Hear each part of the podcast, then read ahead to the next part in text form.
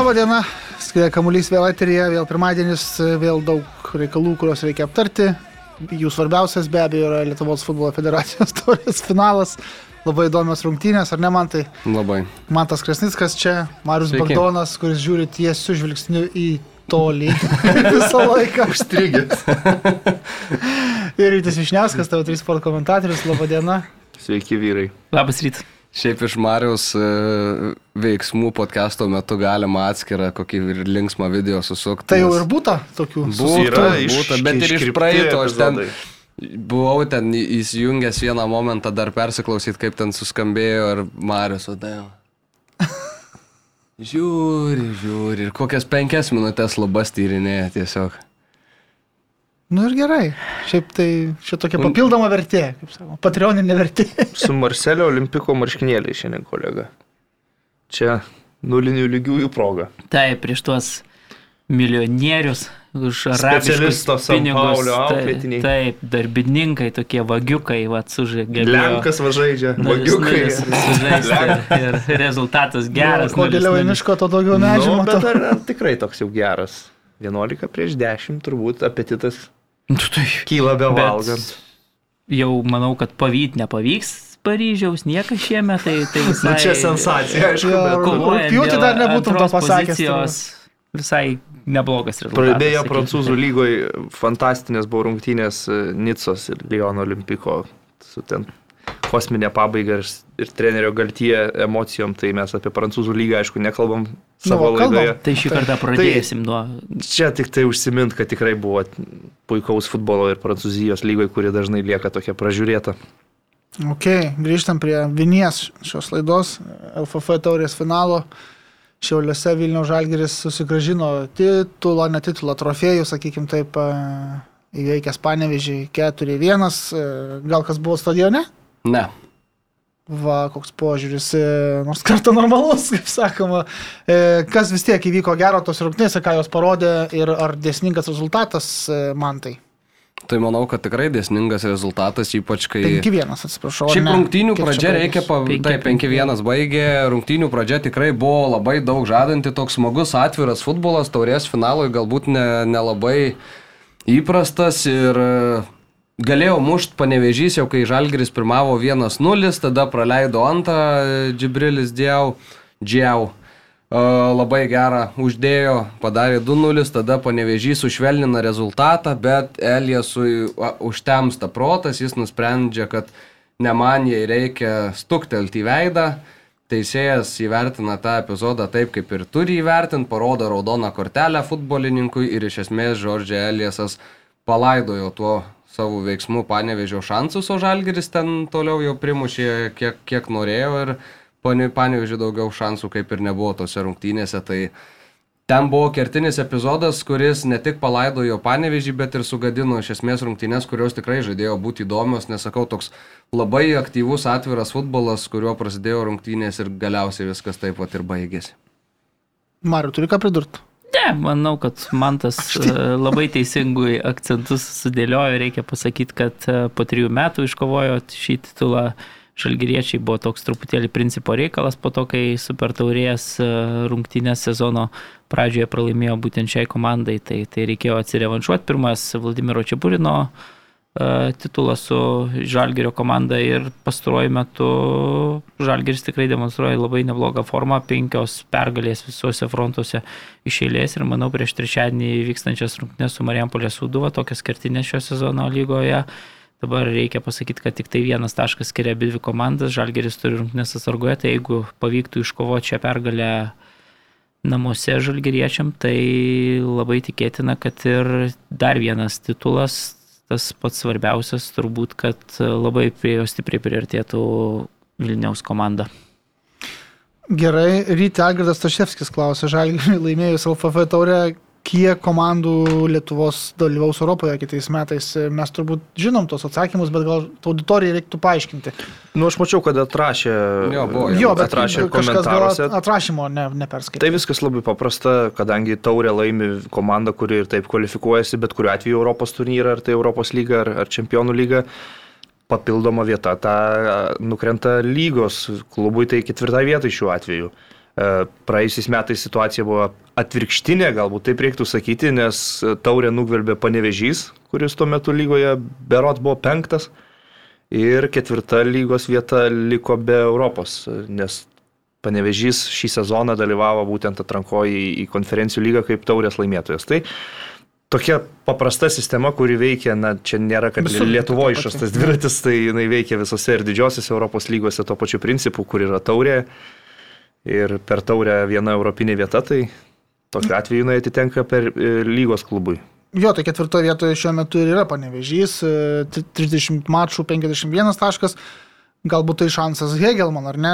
Nu, jie niekada ir nebuvo labai toli nuo, nuo ketvirtos vietos ir dabar lygiai taip pat skiria kaip ir trys taškai klubus, bet Hegelmanas sužaidė, sužaidė dviejomis Tai rungtynėmis daugiau. Tas turbūt momentas, kodėl ir pritrūks, manau, Kauno rajono klubų taškų ir panevežys, nu šiaip nuo sezono pradžios.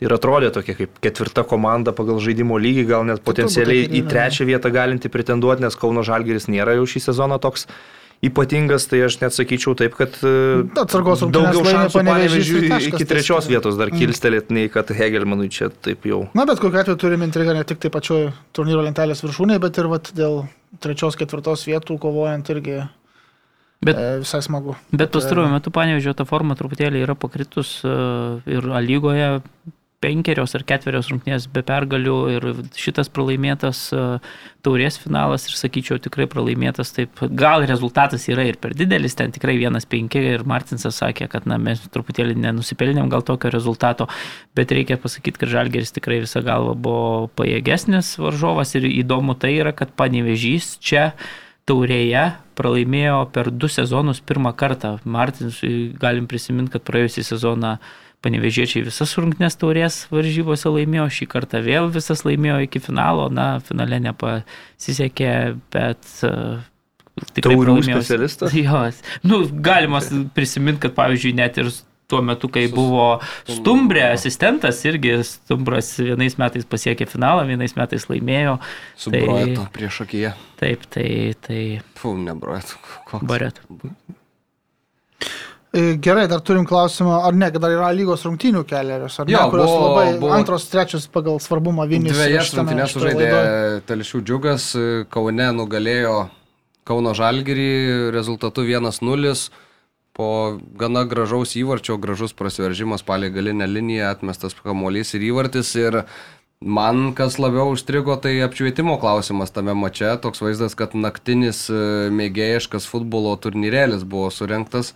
Būna naktinio krepšinio turnyrai populiarūs 3 prieš 3, tai čia į naktinį futbolą buvo kažkiek panašu. Tai čia tikrai akmuo į Kauno ekipos tikriausiai daržą ar, ar kažką, kas tvarko tą stadiono apšvietimą, nes įsijungi futbolo rungtynės ir nesupranti, ką tu ten žiūri. O kitose rungtynėse Lietuvos Dainava 3-2 nugalėjo tą patį džiugą, išsiveržė į priekį 3-1, bet džiugas sugebėjo sušvelninti, nors paskui šansų tą tašką pasimti neturėjo tiek labai ir daug. Mm, Reikia paminėti, kad Tomas Švetkauskas po netrumpo laiko vėl turi klubą ir jis užbaigs sezoną Lietuvos Dainavoje, treniravosi su Marijampolės Sūduva. Keletą mėnesių po išsiskyrimo su Belgijos antros lygos klubu ir galiausiai vat, nusprendė Dzukijoje už, užsibaigti šitą sezoną ir žiūrėsim, kur toliau kryps buvusio pagrindinio rinktinės vartininko karjera. Šiaip tokia intriga bent dėl septintos vietos šiokia tokia atgaivina, dabar abi dvi komandas likus keturiem, penkiem turam e, skiria tik tai keturi taškai, tai, tai septintas kol kas yra džiugas, aštunta yra dainava, tai, tai vat, tokia menka, bet... Gal tik nėra labai svarbi tas septintas. Taip, be abejo, be abejo. Gediminas Ryženinas klausia, ar protinga iš lygos išmesti dvi komandas, man tai? Puh, nežinau, galbūt. Tai mes, Jeigu mes neskubėkim, ar, ar jos iškris tikrai. Jo, jo, jo, nes žinom, kad e, Jonava arba Šiauliai taps pirmos lygos nugalėtojais, bet automatiškai abi šitos komandos kaip ir gaus vietą A lygoje. Banga šiuo metu yra devinta, kas yra krentantis rezultatas ir tuo taip pat ir kėdainių nevėžis. A, Jeigu liks banga ten, nežinau, klausimas aišku dabar dėl tų paskutinių įvykių, bet mm, žinant Jonavą, žinant e, žmonių federacijoje požiūrį į tą klubą ir į tas visas, visus praeities dalykus, į tas būsias diskvalifikacijas, į vadovų požiūrį galbūt į, į tas situacijas, nu, gali būti, kad ta vieta lygoje taip ir nenusišvies Jonavos ekipai. Yra tokia tikimybė, manau. Bet yra ir tokia ti- tikimybė, kad banga, jeigu iškris taip sąžiningai iš šitos lygos, tai jie ir iškris. Jie patys, ta prasme, jie tokia visada deklaruoja, kad žaidžia pagal tą sportinį principą, nori, kad tas sportinis principas lygoje veiktų, kaip jis veikia, visi žinom, bet, bet uh, jų tikslas prieš šį sezoną buvo išsaugoti uh, A lygoje vietą. Na, jeigu tos vietos e, nepavyks išsaugoti, labai tikėtinam, kad, na, klubų, klubo vadovų tokia pozicija bus, kad, na, mes tos vietos neišsaugojom, tai, tai mes tada krentam į pirmą lygą. Aišku, sunku taip patikėti, kad taip galėtų būti, bet aš netmeščiau tokios idėjos, nes klubo vadovai yra tai deklaravę keletą pastarųjų metų, kad, na, jiems tas sportinis principas yra labai svarbus. Iš loginės pusės, tai aš taip sakyčiau, sportinis principas tai gerai, jeigu pas mus pradėtų veikti pakilimo ir iškritimo sistema, aš manau, kad tai būtų į naudą. Kitas dalykas, visi tie licenzijavimo klausimai, tarkim, kad kėdainių nevėžės dabar iškristų, tai jokio nuostolio lygos kokybei, bet kas vietoj jų ateitų, tada jau galvoji, žiūri. Tačiau kai 10 klubų sudaro lygą ir 2 klubai tiesiogiai iškrenta, man atrodo, tai yra truputį per žiauru. Mes matom lygą su 20 klubų, kur iškrenta tik 3. Tai aš galvoju, teisingiausias būtų variantas. Uh, jo, taip, pusantros. Dešimta vieta krenta, devinta žaidžia pereinamasis. ir man atrodytų tai teisingesnis kelias, nes, nu čia jau matematiškai žiūrėkit, nu, ta Taip, prasme, visiškai 20 sutinku. klubų žaidžia didžiosiuose Europos lygose, 3 iškrenta. Netgi Bundeslygoje e, 2 iškrenta ir viena žaidžia pereinamasis, o pas mus 10 ir 2 skalpuojami, tai nu truputį per žiauru, aš sakyčiau. Nors aš net mešiau variantų, kad, Gyčiu. Kad jeigu su licenzijavimu ten viskas eina gerų kelių, kad tiesiog galima tą lygą plėsti iki 12, tarkim, klubų. Ir, ir... Bet ar reikia to Lietuvai? Tai va, aš nežinau, ar to reikia, bet aš net mešiau, kad tai galėtų būti Galėtų svarstytinas tikriausiai. variantas, nes 10 l- klubų, nu, tai geriau nei kaip čia pastaraisiais metais yra buvę variantų, bet vis dar toks gan kuklus skaičius. Aišku, geriau 10 stabilių nei, nei 12, iš kurių 2 būtų tokie neaiškus. Tai ką, Lietuvai šiandien tiek, ar ne? Ne, ne tiek. Uh, garždų bangos ta situacija praeitos savaitės, nu, ko tu dūsui? Nu, tai tekstą paskaitys žmonės ir užteks, kad čia dabar dar perpasakosi. Nu, prašau. Tai gal ne visi matė. Tai rungtynės Liverpoolio irgi daug kas žiūrėjo ir komentarus pasiskaitė, bet šnekėsim pusę valandos. Tai žodžiu. Uh, praeitą, Tai palyginai. praeitą sekmadienį įkrito į pašto dėžutę tos, la, toks laiškas, kurį pasirašė anonimas ir jame buvo įvardinti du garždų bangos futbolininkai ir e, myslingasis Pifas iš Klaipėdos, kuris esą vadovauja lažybų ir manipulacijų futbolo rezultatais procesui. Buvo nurodytos penkerios rungtynės, kuriuose žaidė du tie patys žaidėjai, kuriuose, kaip praneša informatorius, kad ir kas jis būtų, buvo manipuliuojama ir šiaip teko žiūrėti visų tų rungtynių santraukas, visus tuos įvarčius, kuriuos praleido garždų banga, tai tikrai Na, aišku, tu iš karto žiūri su tuo nusistatymu, kad tu ieškai prie ko prisikabinti, bet ten labai yra paprasta prisikabinti prie kai kurių epizodų, kur mm, žmogus, kuris atrodo turėtų galbūt išmušti kamuolį iš baudos aikštelės, jį peršoka arba mm, nukrenta priešais tą kamuolį. Skamba kaip Maguire'as su mįslingai. Lukušo tiesiog. tai, tai buvo labai toks įdomus dalykas, ką susisiekiau ir su mm, Garždų bangos e, vadovu Rimantu Mikalausku. Jisai iš pradžių sakė, kad na, mes tikrai prieš visą šitą, ir, bet negalim imtis jokių sankcijų, nes nėra jokių įrodymų pagal anonimo laišką, negalim nei suspenduoti žaidėjų, nei kažką panašaus padaryti. Tada jisai sakė, kad žaidėjų pozicija yra tokia, kad na, maždaug čia mes garžduose gyvenam, čia mūsų šeimos ir mes prisišikę negalėtume čia savo gyvenimo toliau įsivaizduoti, bet kas man tikrai yra keista, kad uh, kitas vienas iš svarbių... Garžulis gali gyventi, kaip negali. Vienas iš svarbių uh, garždų bangos atstovų, Rima, uh, Remigijus Jekašius, Facebook'e pradėjo judėti vos ne po kiekvienu postu, ten Paulius Jekelis, mūsų kolega, pasidalino santrauką rungtynių Latvijos lygos ir jis ten komentuoja su tokiais, su tokiais įvarčiais, nes tokia gynyba tai daug anonimų laiškų sulauksit. Man atrodo, kad ta lietuviško futbolo pozicija, kad čia mus dabar visi puola, o mes čia patys geriausi, yra neteisinga. Jeigu tu nori ta, kad ta situacija būtų išsiaiškinta, jeigu tu nori šitai bajaruot, manau, reikėtų palaukti, kol pasibaigs tyrimas, kurio ėmėsi, nežinau, kiek rimtai kriminalinė Lietuvos policija, kuri irgi ta, ta laiška, tas laiškas buvo jiems persiųstas, gavau iš e, policijos pačios patvirtinimą, kad tyrimas tikrai yra pradėtas.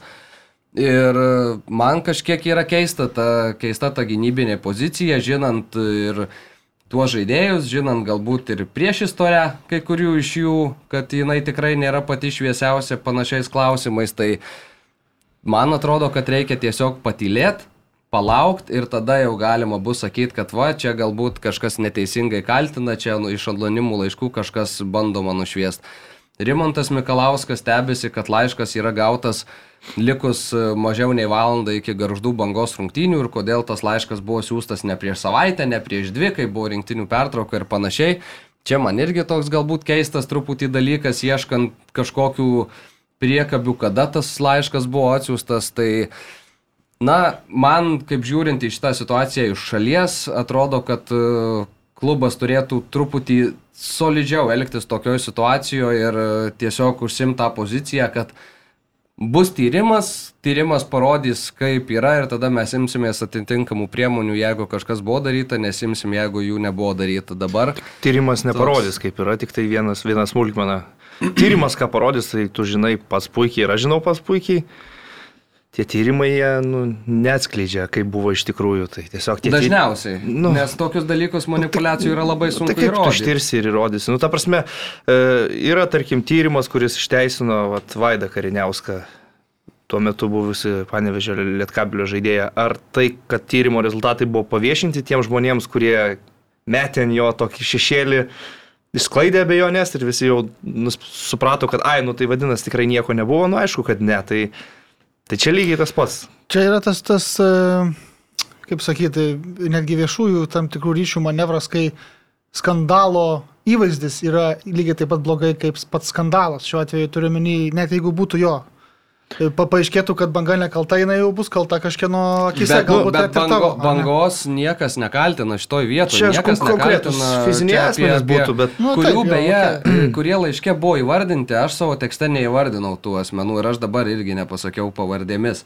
Vien tik dėl to, kad man irgi atrodo, kad galbūt anonimo laiškas nėra pakankamai svarus e, dalykas tam, kad tu jau įvardintum ir skalambintum, kad Taip, taip, vienas taip. ar kitas yra čia galbūt susitepę. Man irgi atrodo, kad tai yra galbūt kiek per mažai mes tokį šešėlį, gan rimtą futbolininkams, kad va, galbūt lažybininkas. Nes galbūt lažybininkas daugeliu žmonių, kurie perskaitys, sakys, nu, šitas čia jau prisidirbęs. Ne, tai yra tai pagal, štampas. pagal visas etikos taisyklės tai iš vis turbūt būtų buvę geriau susilaikyti nuo publikacijos apskritai. Nes Kodėl? anonimo laiškas nėra įrodytas kažkoks tyrimas ir nėra ištirta medžiaga. Tai, bet, Ar tu gerai. ištyrei tai papildomai, perklausai penkių šaltinių ir taip toliau? Nes anoniminis laiškas yra, kuo tu paremi insinuacijas žaidėjams. Aš galiu parašyti anoniminį laišką, kad CSK? Tai gali, tai žiūrėk, tai, tai viskas yra tvarkoj, tai aš tau ir sakau, nebuvo įvardinti žaidėjai, kurie buvo nurodyti laiške, nebuvo įvardintas tas Jo. yeah. žmogus iš Klaipėdos granito bu- buvęs vadovas, e, kuris e, esą vadovauja, aš gavęs laišką, aš jį reaguoju. Aš susisiekiu su banga, susisiekiu su LFF, susisiekiu su poli... Mano toks darbas yra. Aš nušviečiu, kokia yra situacija, kad yra pradėtas tyrimas e, kriminaliniai policijoje. Viskas, aš iš savo pusės viską padariau. Aš nei kažką apkaltinau, nei kažką išteisinau. Toks ir yra žurnalisto darbas, man atrodo. Kodėl reikia nepublikuoti tokiu atveju? Susimastė. Yra klausimų man, bet aš juos suformuluosiu kitam kartui. ne, nu, tai tiesiog, ta prasme, gerai, žiūrėk, yra anoniminis laiškas, anoniminiai kažkas. Tai tu, aš dabar nežinau, kaip buvo, bet tu publikaciją rašiai iki tol, kol gavai patvirtinimą apie tai, kad policijoje pradėtas tyrimas. Ne, aš iš Ar karto žinojau, kad yra pradėtas tyrimas, kad perduota informacija kriminaliniai policijai ir kad yra pradėtas tyrimas ten.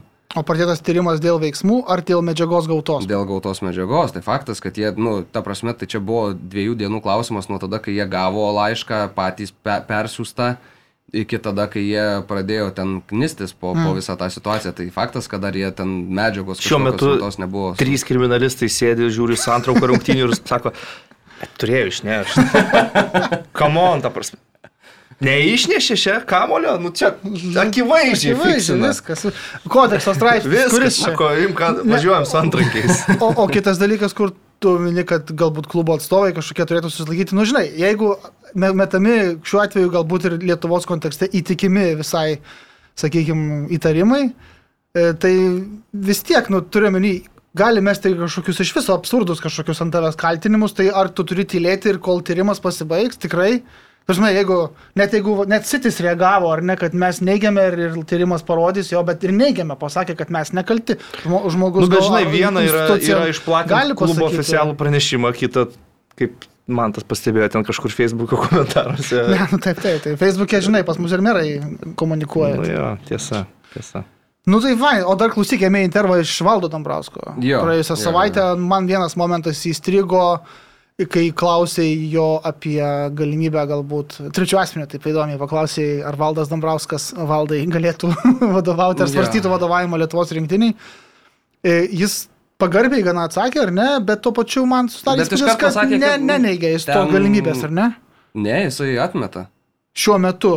Taip, kol Valdas jam- Ivanauskas jam- turi dar kol Ne, galiojantį ne, ne, kontraktą. ne, ne. Ne, kol ten Valdas arti- Dambrauskas dar turi Kol ambicijų. taip Valdas, kol. Valdas Dambrauskas nori kažką pasiekti rimto futbole, tol jis tikrai ne, jis nelys į rinktinę. Jis iš esmės pasakė, kad aš per e, metus, per sezoną pravedu ten 200 su virš treniruočių, Nu, nu, taip, taip. suvadovauju apie 50-60 rungtynių ir tai yra šešeri rinktinės metai ir tai yra nenutrūkstamas procesas prieš rinktinę, kur tu vadovauji kelis kartus per metus. Tai ir Valdui Dambrauskui, norint tobulėti ir mokytis, na, jis taip iš, iš toli, bet iš esmės atsakė, kad ne, ir jam artimiausių metų ne. Sakė, kad kažkada ir, ir galbūt kažkada ateityje rinktinės treniravimas savo šalies bus, na, tokia didžiulė garbė ir viena iš siekiamybių, bet, nu, ne dabar, kai žmogus e, Rasgradė tikrai ne, nepasirodęs blogai, buvo patrauktas jeigu yra protingi kitų klubų vadovai, jie supranta, matydami situaciją, kad ne dėl kažkokio labai blogo valdo Dambrausko darbo jis ten to savo pareigų neteko, o dėl to, kad na, ten yra normalu Ludogorėse tokie rezultatai, kai, kaip ir Valdas Dambrauskas sakė, praėjusį sezoną treneris buvo pakeistas po pirmųjų Europos lygos grupių etapo rungtynių, šiemet po antrų, tad ten tendencijos Progresas. nesikeičia jo. Nu, Dvigubai daugiau rungtynių vadovavo. nebejoju, kad Valdas Dambrauskas susiras tikrai darbą ne, neblogam klube Europos kontekste, gal ne Europos čempionų lyga, bet kažkur soli, solidesniam čempionate, kur vėl galės e, kažkiek galbūt dar pasikelt kartelę ir vėl sulaukti kažkokio rimto pasiūlymo. Tai apie Lietuvos rinktinę aš... Mano mintis buvo pagrindinė tokia, kad LFF vadovai turėjo bent skambutį padaryti ir tokį pabandymo šūvį šaut, gal valdai būtų įdomu. Nu, tai čia dvi Lietuvoje yra tokios federacijos, kurios teoriškai turėtų skambutį padaryti geriausiam Lietuvos treneriui savo sporto šakos, bet, bet atsakymas abiem atvejais yra labai... Kokius jūs dar čia Tai skambučius kam- kam tie darysite, skambučiai? dar Kam, kam, yra likusios, net ne vienerios, o ne, nu šiaip kam ta sąskaita telefono esmės Įdomus. Kam, kam reikia? Kainuojagi minutės pokalbiai į užsienį dar tas skambutis. Tai Ne, Marius, tai šiaip pastebėjimas gal ir teisingas, man atrodo. Sužaiskim gal tada, paskambinkim. viskas ten jau nuspręsta ir aišku yra toj federacijoje. Ir, ir ta Maiklas Kerikas. Ne, ne, O tai ką, Mariu, taigi tu jau s- praeitam podcast'e, Marius Bagdonas sėdi, sako, va, yra dar mėnesis iki kol Valdas Dambrauskas žais paskuti, ši- šitas Valdas Ivanauskas žais paskutinės savo rungtynes, ieškokit trenerių. Ieškokit užsieniečio, atsekit milijoną, Mariaus Bagdono žodžiai. Dabar sakot, kokie skambučiai, kai dar mėnesis likęs Ivanauskui. Taigi rastas Ne, tai tas treneris. viskas yra nereikia šio dalyko viešinti, vis tiek man atrodo paaiškos, tai visą laiką. Net vyksta. jeigu ir skambino kas nors, tai aš nemanau, kad uh, Dambrauskas kalbėdamas su tavim, jo sakys, čia skambino, Tai faktas. buvo kontaktas, bet uh, aš čia atmečiau, ar mes čia dėrėjomės. Taigi jis taip irgi nesakys. Tai Tai, yra, kaip Gintaras sako, neformalus Bet, kažkoks. bet, tu, bet aš ir ir nesakau, taip kad man turėjo pasakyti, tu sakai, kad kam dar čia skambint liko mėnesis. Oi, butekas, gal. skrodžia. Gerai, grįti, parašai gal šiek tiek mums Taip. Jau susikaupė gal, nes nebuvai čia porą kartų. Nebuvau, bet kažkaip taip po vieną dabar šaudysiu, kad, Nu, kad neišsišaudyt labai, Susijęs su aktualijomis. labai greitai. Susijęs labai stipriai su, O. su aktualijom, nes iš Su tikrųjų... LFF taurės finalu? Ne, tikrai ne. Sekmadienį buvo tų daug didžiųjų rungtynių vadinamųjų ir, ir vienas mačas, aišku, išskirtinis e, rezultatu 5-0. Du tokie 5-0 derbiuose buvo, bet būtent Anglijos Premier lygoje tas didysis. Ir e, kaip be būtų keista, kolega man iš kairės rungtynės pasirodo stebėjo, m, sakyčiau, pačiose geriausiose vietose, jau gana ilgai pastrigęs ant Manchester United atsarginių žaidėjų suolo saugas e, Bagdoni Vandebekas. Pats mėgstamiausias mano Olandų futbolininkas. Manai, Vis dar. Mario, tu nebejoji, kad Bagdonį Vanderbekas turėtų keliauti kažkur kitur e, pažaisti? O aš manyčiau, kad jis turi žaisti su raudonais marškinėliais ir tada gal rezultatai bus truputėlį geresni. Mm. Manau, komandas. kad gal į Čia Amsterdamą. reiktų dar šiek tiek pokyčių kitokių. Būtų puiku atgal į Amsterdamą. Su raudonais jo, pasimtų titulą kažkur ten. Tai Europoje. titulą jie pasiims ir be jo, jeigu čia Europoje. mes kalbame apie rediviziją, bet... Ne, nėra skirtumo, kur žaisti, bet nu tokio lygio Geras, žaidėjas, geras kai žaidėjas, tiek labai gaila, metų jo, dabar, sėdi taip. nežinau, metus pusantrų sėdė skambiai suolo, tai atvykęs, skambiai Jo, tai- išvykęs iš Amsterdamo. Daug ten tokių atvykėlių į Mančesterio raudonoje pusę yra buvę per pastaruosius po Fergusoninius metus e, ir išvykusių ir kitur sėkmingai žaidžiančių, tai gal tikėkime, Vandebekas irgi tuo keliu pas, paseks, bet Aš dar mes- palauk, nu, trumpą noriu tokį... Irgi metinį? jau- Ne, ne, aš noriu, kadangi jau Lietuvos reikalus baigiam, tai reiktų gal dar anonsuoti, kad e, šią savaitę Lietuvos salės futbolo čempionas Kauno Vytis, buvusi komanda, dabar Kauno Žalgeris žais čempionų lygoje tos tris e, mačus e, su rimtais varžovais Kauno Žalgerio arenoje antradienį, trečiadienį ir penktadienį, antradienį su Valencijos Levantė, trečiadienį su Oršos e, klubu iš Baltarusijos ir penktadienį su Barcelona Ferrao futbolininkas e, dviejus pastarosius metus e, geriausias pasaulyje salės futbolininkas nesiniai jis buvo su Brazilijos rinktinė pasaulio čempionate, dabar kas nematė, yra puikia proga vis tiek e, pažiūrėti į salės futbolo geriausią pastarųjų dviejų metų futbolininką, tai bent jau penktadienį galite pasiplanuoti ir ateit pažiūrėti. Garsiau, garsiau. Balsas truputėlį. Aš ir negirdžiu čia pastarąją savaitę su viena ausim ir, ir kalbėti sunku. Yra gelo revojus tokios tabletės, labai gerai ir prieš komentavimą balso stygoms, tai čia irgi pareklamuosiu ir Tai pasiūlysiu kolegai įsigyti. Jo, čia mes prašėm po praėjusios laidos palikti komentarų su atsakymais, kod- kaip jų, kaip jūsų manimų būtų reikėję pasirūpinti didesniu žiūrovų lankomumu per futsalo pasaulio čempionatą Lietuvoje. Tai, kiek žinau, man tas Krasnickas jau pasirūpino, kad, penktadienį kad pakvietimai po- po pasiektų laimėtojus. Penkiem kurių- žmonėm. Jo, nevardinsim gal. E, taupom laiką. Čempionų lyga.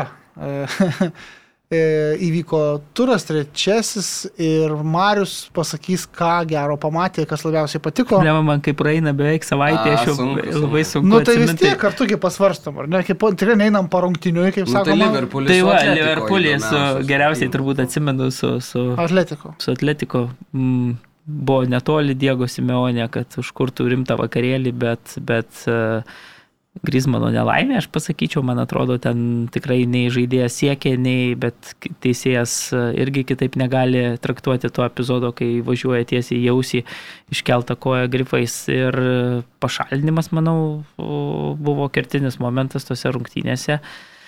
Iki tol Atletiko žaidė taip, kaip prieš Liverpoolį, aš nežinau, gal Citis žaidė. Bet aš panašiai šį nemanau, kad, kad, kad Atletika Neblogai buvo vertas ten pergalės, ypatingai su, Ne. su, su, įdomu su su deficitu būtų 0-2 susi- ir taip toliau. Taip, grįžt prie 0-2, viskas yra gerai, komanda su charakteriu, visi tai žinom, bet ir savaitgalį dar kartelį įrodė su Sociedadu lygiai tą patį, kai sugebėjo dviejų vačių deficitą panaikinti, bet, bet vis tiek, man atrodo, lygiosios, jeigu būtų žaidę 11 prieš 11, turbūt taip iš šalies žiūrint, dėsningiausias būtų rezultatas, bet taip, tokio lygio uh, ir tokį trenerį puikų, kuris turbūt dirbs ir po naujų metų uh, turinti komandą, na, kiekybinę persvarą tikrai paverčia, paverčia bent vienu įvarčiu, tai ir nutiko. Subtilus pripažinimas įvyko ką tik. Tai ir nutiko. Kada antradienį ar trečiadienį jau ryte ne. aš tau turiu blogų žinių. Nu. Man Mariukas lažybas yra pralaimėjęs, žinai, kiek jau laiko 10 mėnesių ir 25 dienas bando gražinti skolą. Tai nėra, kad nėra, kad aš įspausiu pirmą dieną jau. tai jo, bet jau, žinok, man jau metai tuoj bus. Bet jau ten Ai. kažkaip dviejų, aš dabar jau neatsimenu, dėl ko lažinamės, bet jau sugrįžo kažkaip. Kažkas Nu, mes pašnekėsim. Apie bet, ką bet, buvo? Ai, atsimenu, tai, Tai- čia ne futbolo reikalai. Viskas, tai- viskas gerai, tai man čia nedega šachtos. Aš palauksiu, kiek reikės. Dar to sausio sulaukim, kai sakiau, aš gali būti, kad plytą ant galvos klopų iškris. Būna viso ne, visko. ne, ne, nepriešnekėjau. Ne, tai aš tikrai Tai tiek, nelinkiu. labai gerai Bet prisimenu. teorinė tikimybė vis dar egzistuoja, yra. kol Kryžmai egzistuoja. varom, čia jie du šieka, mes dabar dviese, dar Bayerno, pavyzdžiui, pergalė prieš Sabonos Benfica, įspūdinga be COVID susirgusio, na gal mano da tuo metu nebuvo aišku, ar, ar COVID, ar bet tik tai peršalimas buvo požymiai.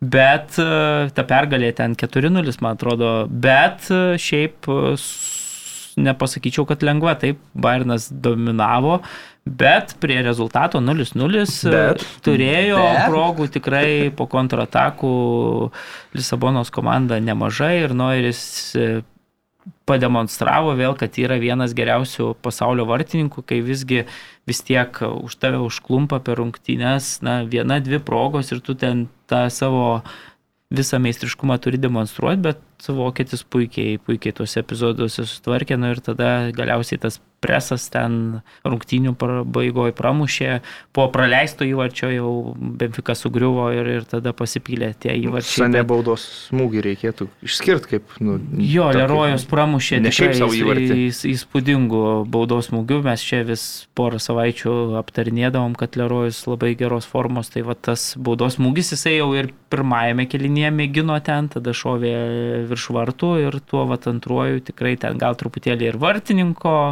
yra klaidelė, bet ir pramušta tikrai iš įspūdingai iš įspūdingo atstumo. E, Jo, dar to Atletiko Liverpoolio grupiai Milanas toliau nelaimėlio etiketės nenusikrapšto niekaip, vėl pralaimėjimas, nulis taškų.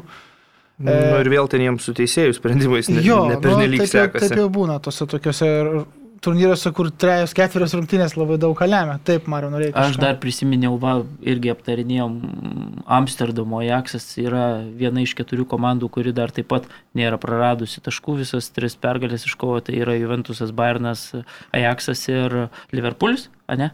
Keturios komandos. Taip.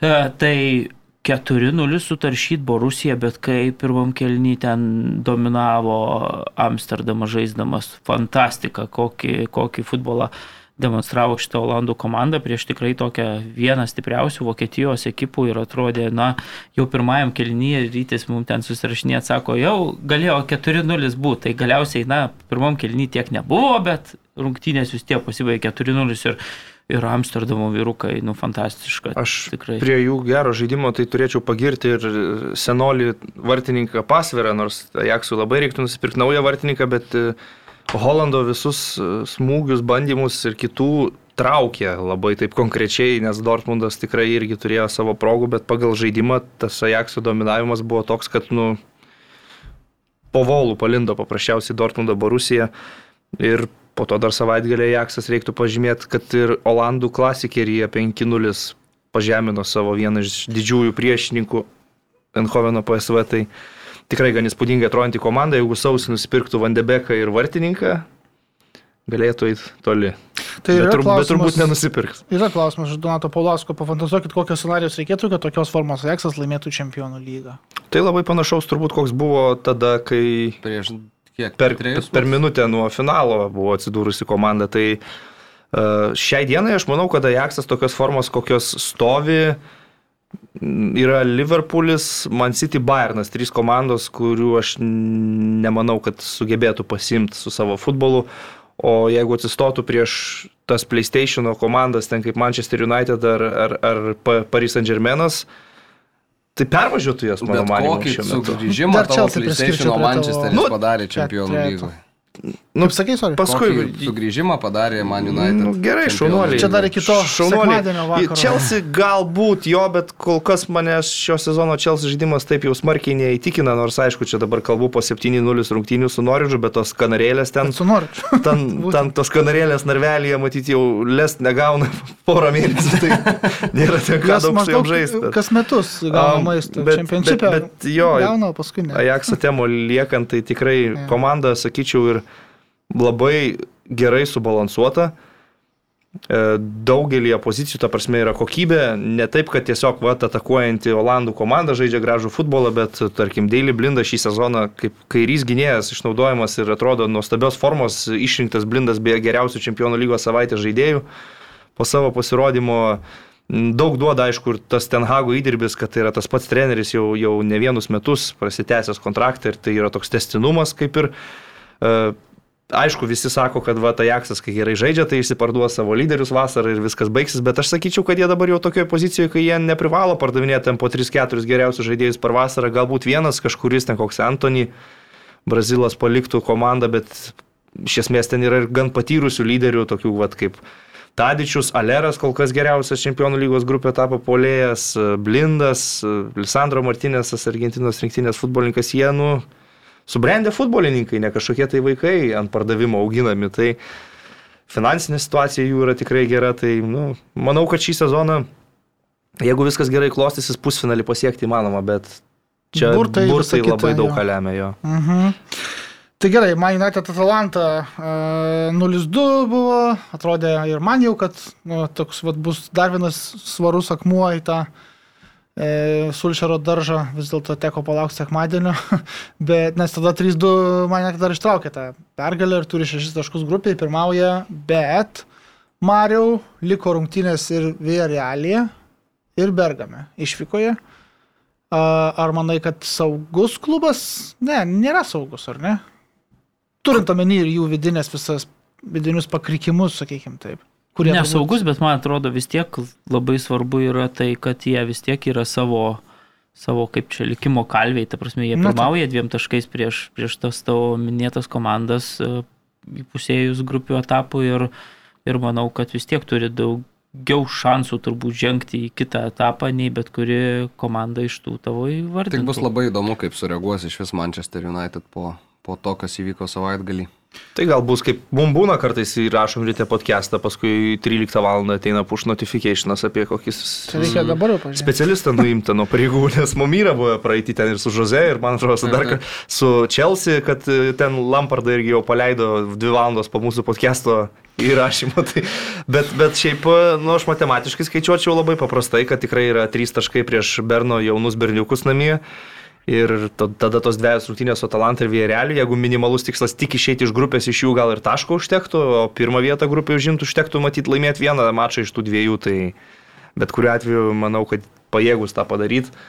Mm, Taip, čia su Atalanta tokios rungtynės sunkios, bet aš sakyčiau galbūt pagal antrą kėlinį sprendžiant ir nusipelnė jie visai to rezultato, nes Bergamo Atalanta juos nubaudė pirmam kėlinį, bet po to ir, ir turėjo pasikeisti Demiralį savo gynėją ir nu, kažkaip pa- pabirėjus jau buvo Atalanta ir brendo tie visi įvarčiai ir progos ir, Mhm. ir uždarė rungtynės Ronaldų puikių smūgių galvą. Tai Bet šiaip e, ryčio paminėtas Demiralio išėmimas, man atrodo, irgi toks vienas kertinių, kertinių momentų tose rungtynėse, kad jeigu taip nebūtų įvykę, tai...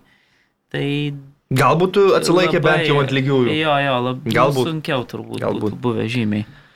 Aš norėjau dar šį paminėti Paris Saint Germain rungtynę su Leipzigu ir, ir mano akimis dar vienas silpnas Paryžiaus komandos pasirodymas. Taip, jie išsitraukė ir laimėjo mačą rezultatu 3-2, bet nu, dar sėki buvo išryškinti visi šitos komandos e, trūkumai, visos tos silpnos vietos, kaip Angelinio lengvai gavo iš kraštų atliktos savo firminius perdavimus, iš kurių du baigėsi rezultatyviai. Leipzigas tikrai ant kontratakų varžovus gaudė, progų turėjo pakankamai, galėjo mušti tų įvarčių ir, ir daugiau, nors Kilianas Mbappé išvedė į priekį Paris Saint Germain, bet nu, Leipzigas visiškai liko žaidime, Andrė Silva palygino rezultatą, po to Mukėlė antro kėlinio pradžioj, kėlinta ten maždaug minutė 57 persverė. Ir man tai atrodė tuo metu tikrai logiška, desninga pagal tai, kas vyksta aikštėje, bet, nu, pasiseka su tais turbūt e, žvaigždėm to, tomis komandoje, kai varžovai dar daro klaidas, atsivežė įvartį Tyleris Adamsas, tiesiog atiduodamas kamolį Mbappé, kuris po to rado Mesi baudos aikštelėje lygų 2-2 ir tas pats Mbappé uždirba baudinį po maždaug 7 minučių. Bet realiai vėl toks žaidimas, kur tu žiūri į Paris Saint-Germain komandą, nu gerai, jie dabar išsikrapštė tuos savo taškus namų rungtynėse ir su Leipzigu ir City turi 7, išeis iš grupės, bet klausimų ir toliau lieka daugiau nei atsakymų apie jų žaidimą.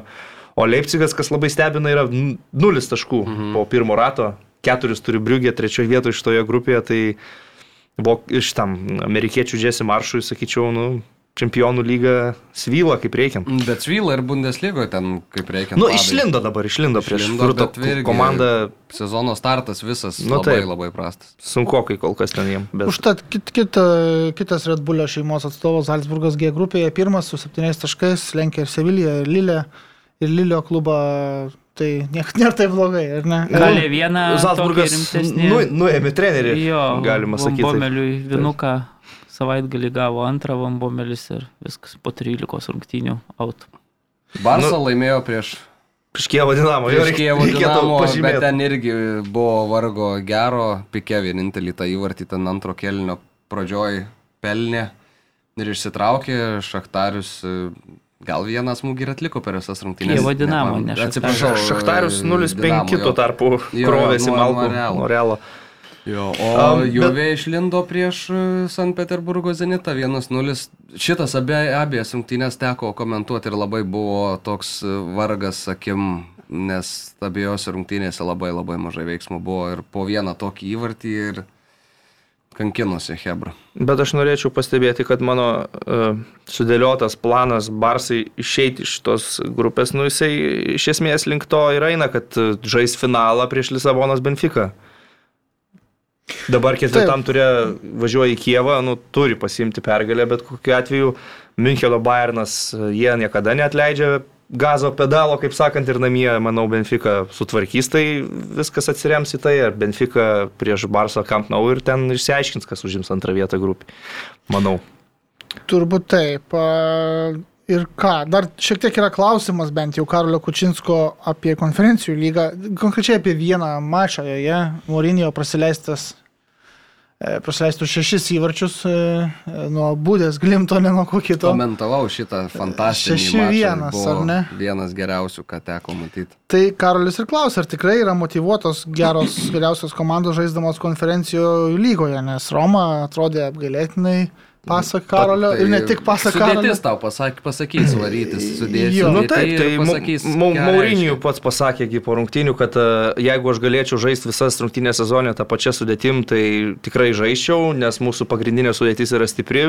Gaila, kad neturim tiek daug kokybės sudėties gilyje ir kai vat, turiu duoti šansą atsarginiams, atvažiuojam į Norvegiją ant dirbtinės dangos ir nu, jie visiškai nepažaidžia ir turim tokį rezultatą. Ir aišku, tai truputėlį taip skamba iš, iš trenerio, kuris vadovauja vis tiek dideliam klubui Romui, tokie pasteisinimai prasileidų šešis gal ir jokingi, bet nu yra tiesos tame, kad tikrai ta konferencijų lyga, bet mes tai žinom, kad tai bus nu, toks kaip inkaras e, didesniems klubams iš didžiųjų Europos lygų turnyras, kuriame jie nu, tiesiog priversti keliauti kažkur į atšiauriausius Europos taškus, sužaisti rungtynių ketvirtadieniais.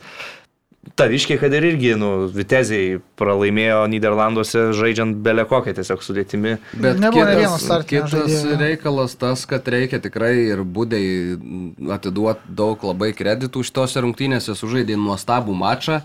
Žaidė labai gražų futbolą, visiškai tokį, kokį mėgsta žaisti, daug atakų, daug aštrių perdavimų iš gilumos, kokie buvo perdavimai einant į priekį, kokie šaltakraujiški, šaltakraujiški užbaigimai atakų, niekur neperskubant vartininką pasiguldant ar apeinant, ta prasme, pats mačas buvo nuostabus, aišku, oro sąlygos buvo labai aptarinėjamos Italijoje, dėl ko, ko, kokiuose sąlygose tek žaisti Romai, nes nu, temperatūra buvo 2 laipsniai šilumos, ten tie norvegai susirengė visą spintą ant savęs sėdi tribūnose atvažiavus, atvažiavus komanda iš Italijos, ten pusė jų sniego nėra matę gyvenime, ką, ką, ką teko pamatyti Norvegijos šiaurėje ir milžiniškas vėjas, kamuolys aukštas, atrodo mušamas į priekį, vos nesustoja ore, tai prie šitų visų dalykų irgi reikėjo Romai prisitaikyti, kas būdai glimtų yra, nu, kasdienybė iš esmės, tai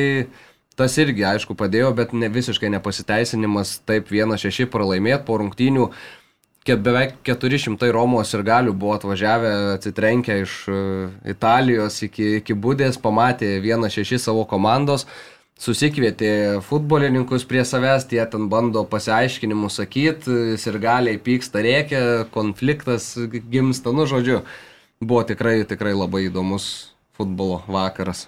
Na, aš norėčiau paminėti vieną faktelį mačą iš Europos lygos, kurį teko stebėti, tai Maskvoje žaidė Spartakas prieš Lesterį, tokios rungtynės trečiadienį kaip tik prieš visas čempionų lygas, pusė šešių išpuolė.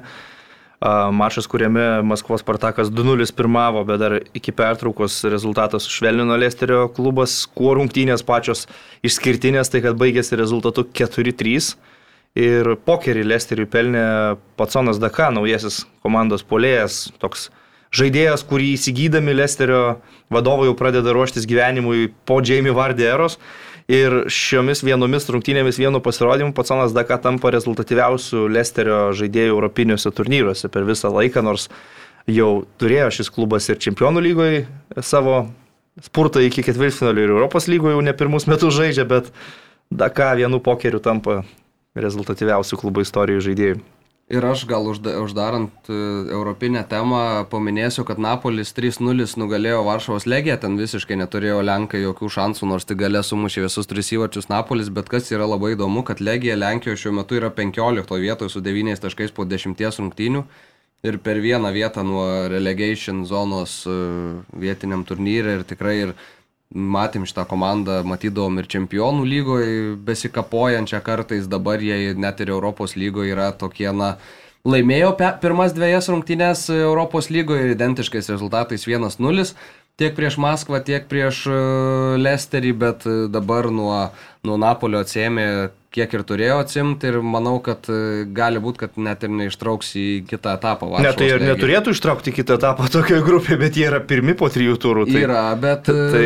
lieka dar trejos rungtynės ir kažkaip ne, tai ir, jie ir neturi išeiti iš šitos grupės. Tai... Čia aš tik tai pažymėčiau, tik tai dalykas tas, kad Europos lygoje dabar trečia vieta prasitęs Europinį sezoną į konferencijų taip, taip, lygos turnyrą, tai dar čia gali pasižaisti Europoje, tik tai svarbu neiškristų iš ekstra klasės, kur, kur ten jiems truputį sunkiau. Gerai, tada vyrukai keliaujame į tą Angliją, e, centrinis mačas e, Old Trafford'e, e, svajonių teatre. Manchester United priėmė Liverpoolį ir pralaimėjo 0-5. Po pirmo kėlinio rezultatas jau buvo 0-4, tuomet dar buvo po pertraukos netrukus pridėtas ir penktasis įvartis, Pogba raudono kortelė ir e, rezultatas toks, koks yra.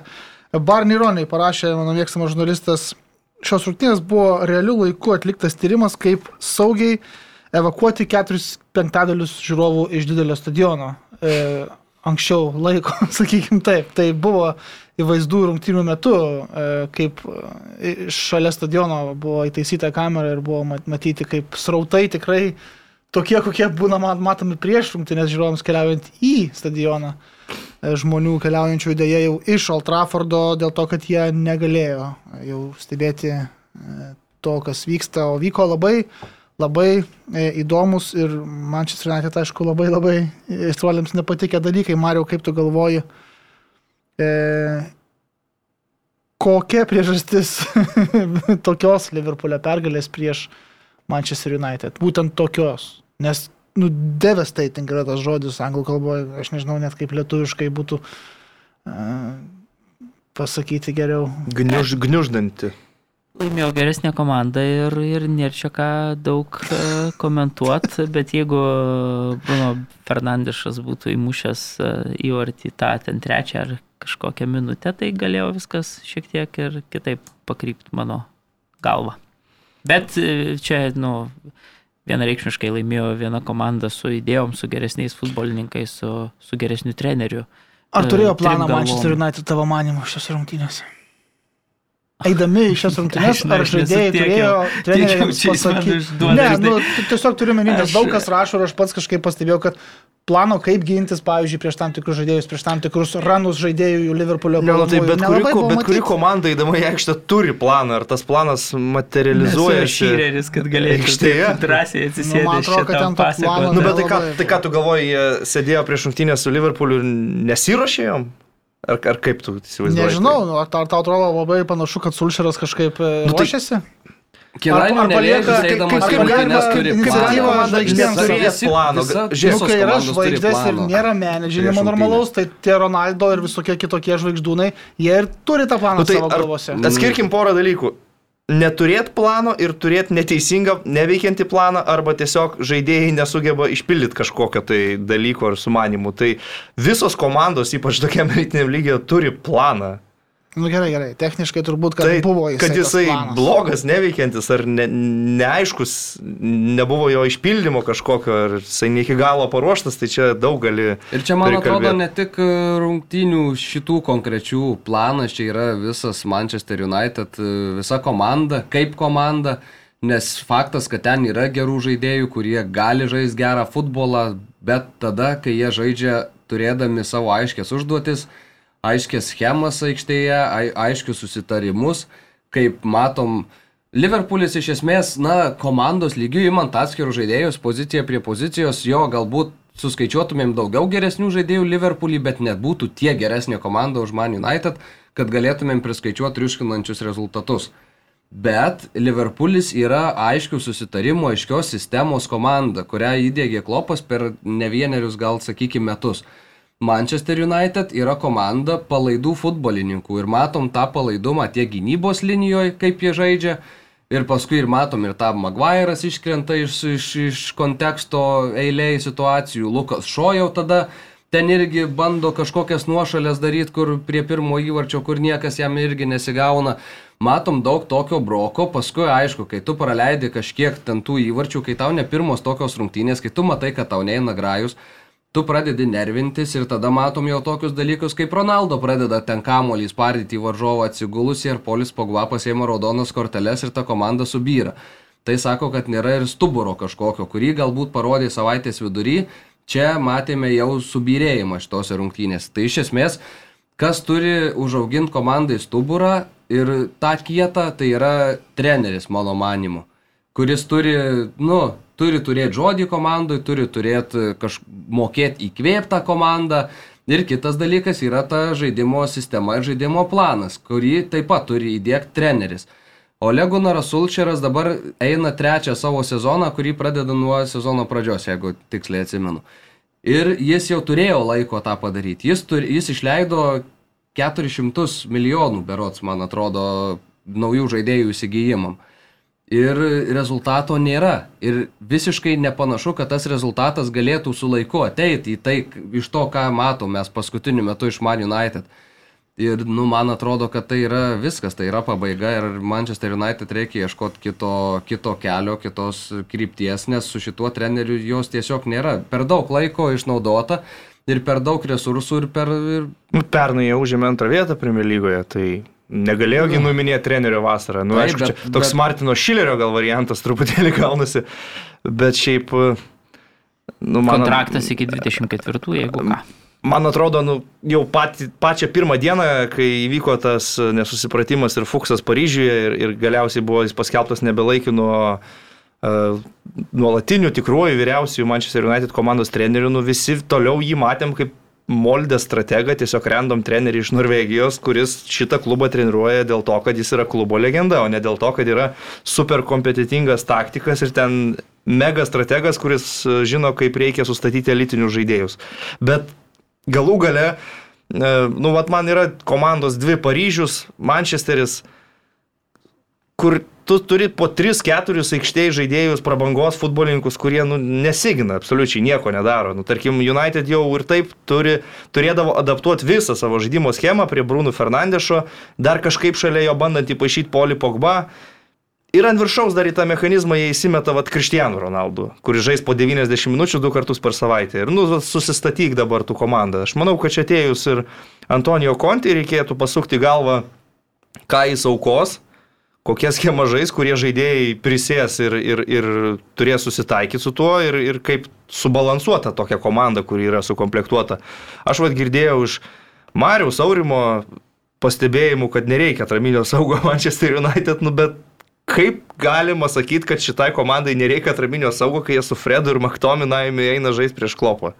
Nu, Darsme, man čia yra akis badanti pozicija, kur nu jiems verkiant reikėjo ne, ne jokių Ronaldų ir net ne taip jau Jadeno Sančio atraminio saugo ir investuoti tą poziciją ir ieškoto šešto numerio, kuris suriša viską, visas grandis. Tai keista man, kad kolegoms atrodo, kad nereikia jiems šitos pozicijos stiprinti.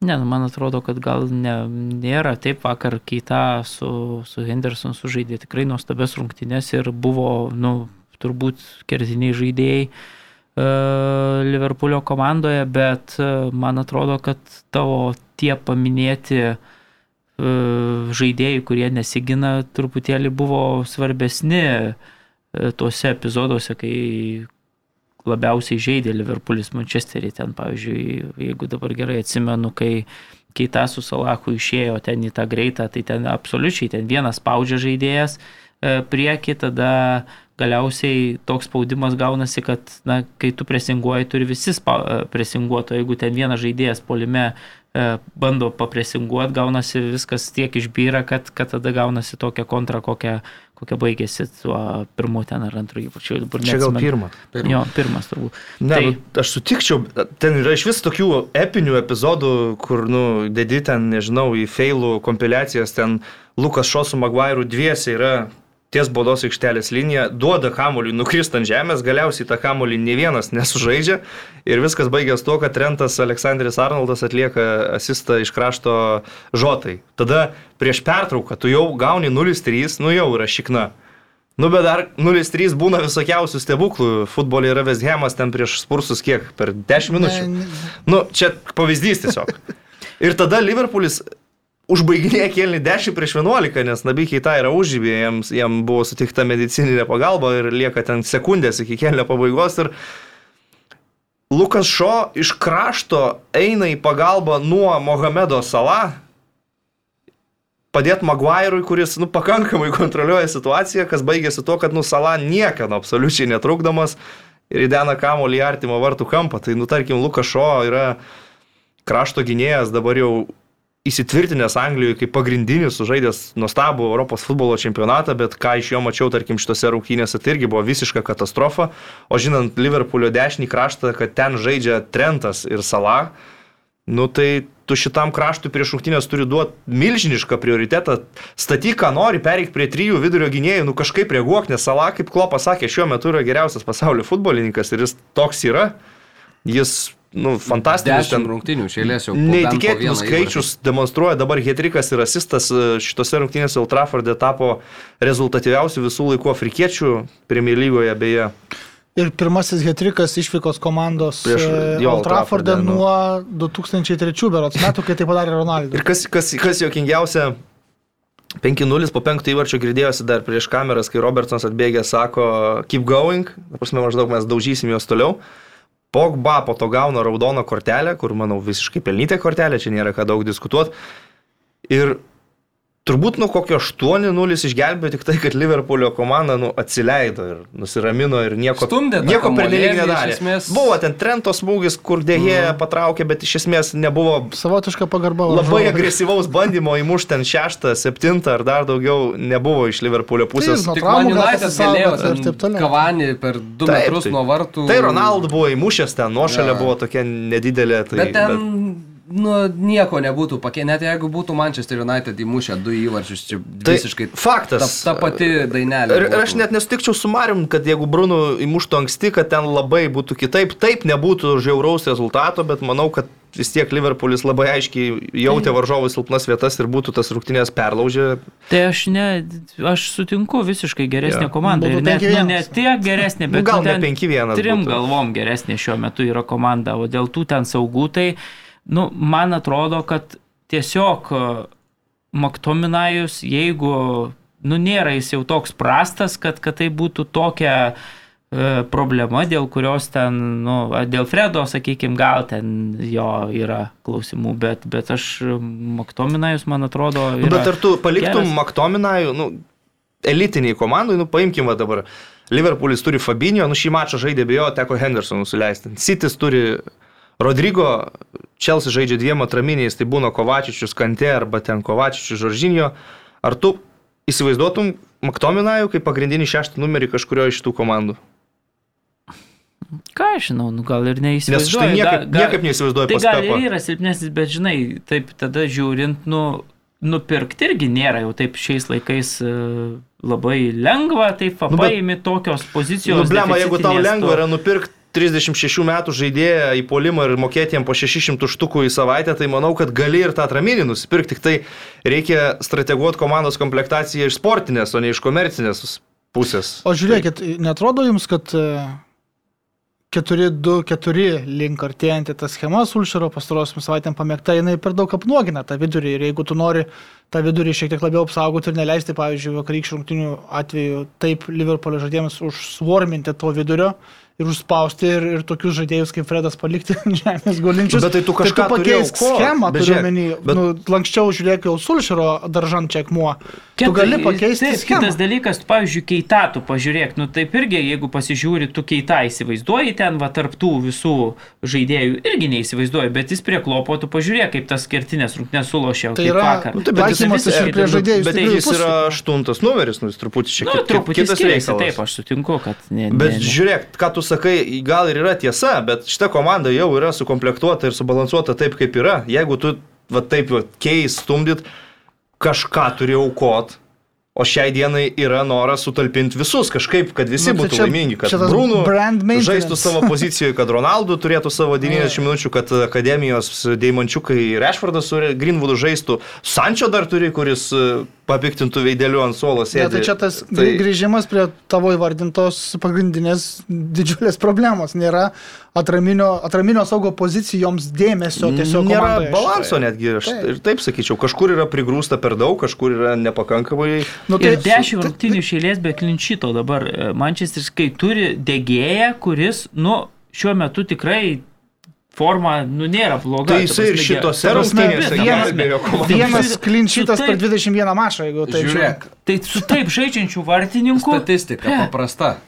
Tekals laimėtas Dešimt. 61 per šį sezoną, 20 vieta Premier lygoje. E, klaidos, e, po kurių buvo atlikti smūgiai į jų vartus, 20 vieta Premier lygoje.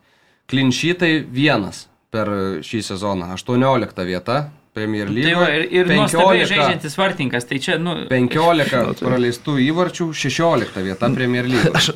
Momentas man toks labai įstrigęs šitose rungtynėse, jis įvarčių nesibaigė vėlgi dėka to paties dėhėjos, bet e, kosmosas kažkoks buvo, kai Rešfordas per visą aikštę atliko perdavimą atgal, pališoninį liniją. Ten labai Ir išvedė gerai Salavui Salah. atidavė tiesiog kamuolys išbėgo prieš dėhėją, nu, man čia tiesiog buvo kažkoks Grįžtam šiek tiek prie, smegenų sprogimas. prie Sulšero vis tiek. Nugrįžtam. Likimo, nes vis tiek tai yra Grįžę, šią manau, savaitę bus pagrind, ten. pagrindinės antraštės, man atrodo, vis tiek pats Sulšeras po rungtynių paklaustas, ar jis e, vis dar neturi abejonių, kad būtent jis yra tas treneris, kuris turi vesti United į priekį ir toliau.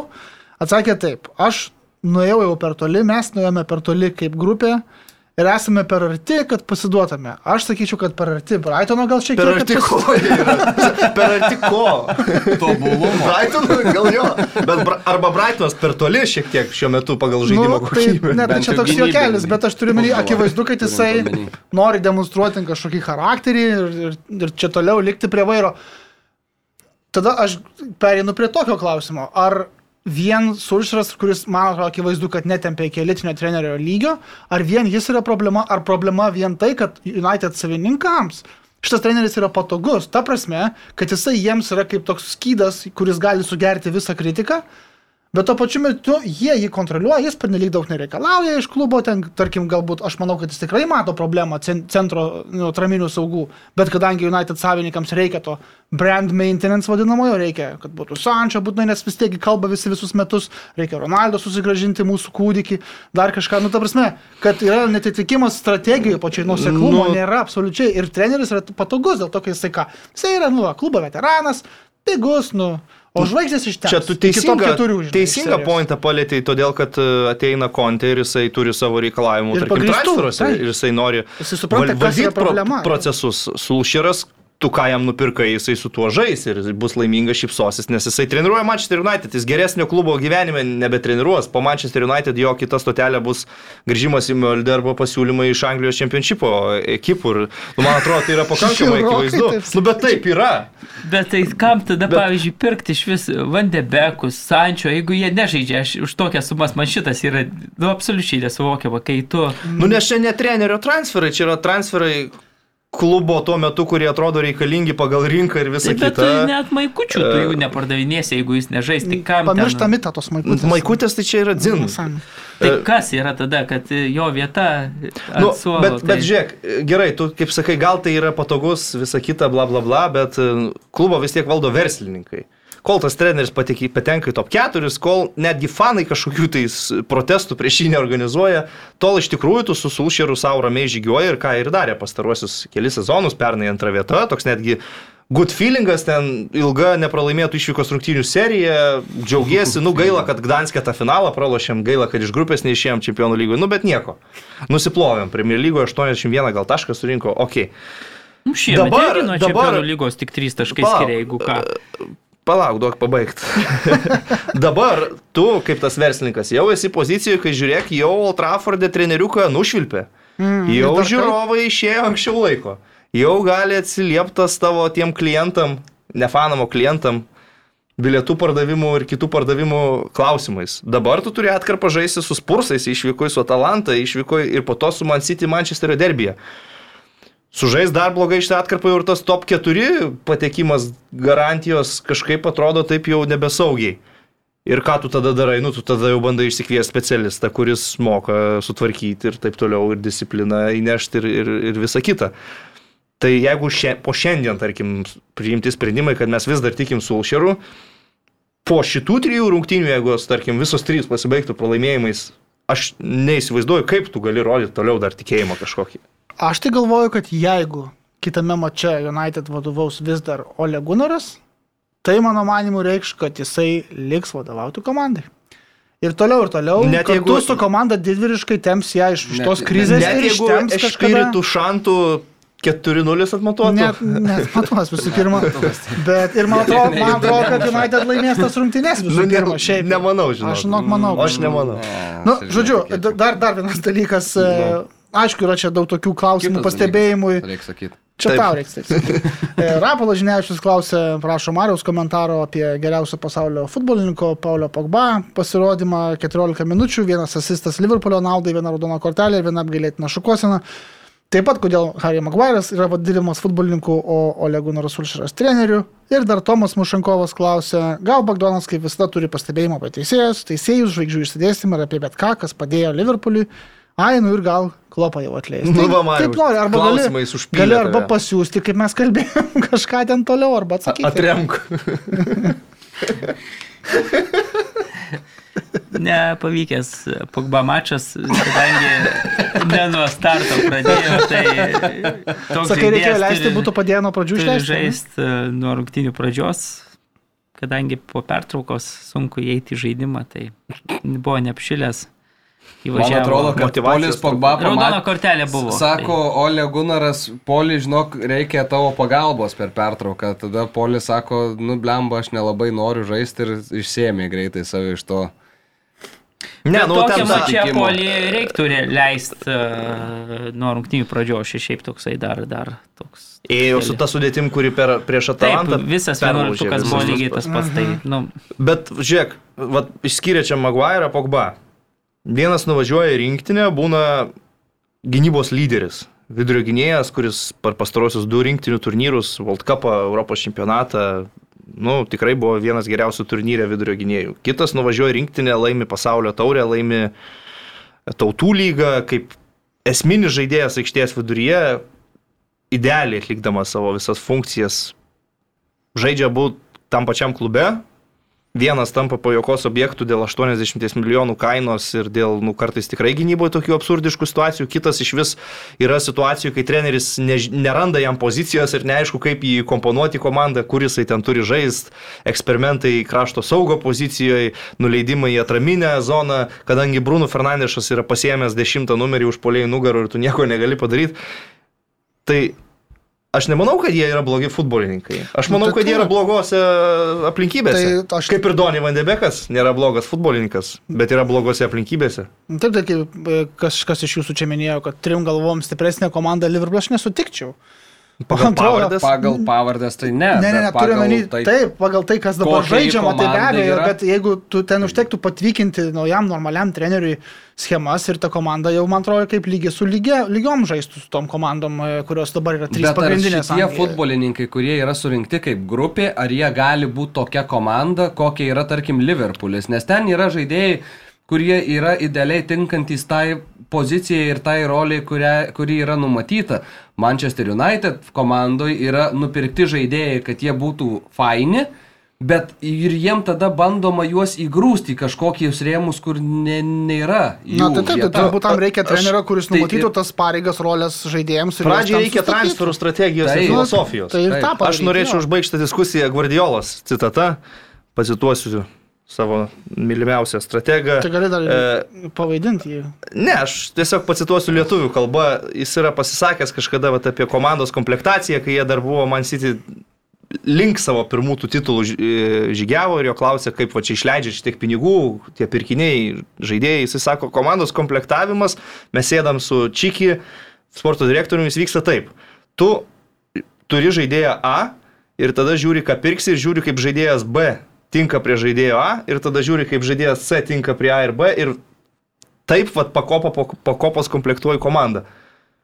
Čia, nu, akivaizdžiai įsigijant tos futbolininkus nėra svarstoma, kaip jie tiks viens prie kito ir kur jie žais, tiesiog tu matai geras žaidėjas, žvaigždė, mums reikia, mes perkam.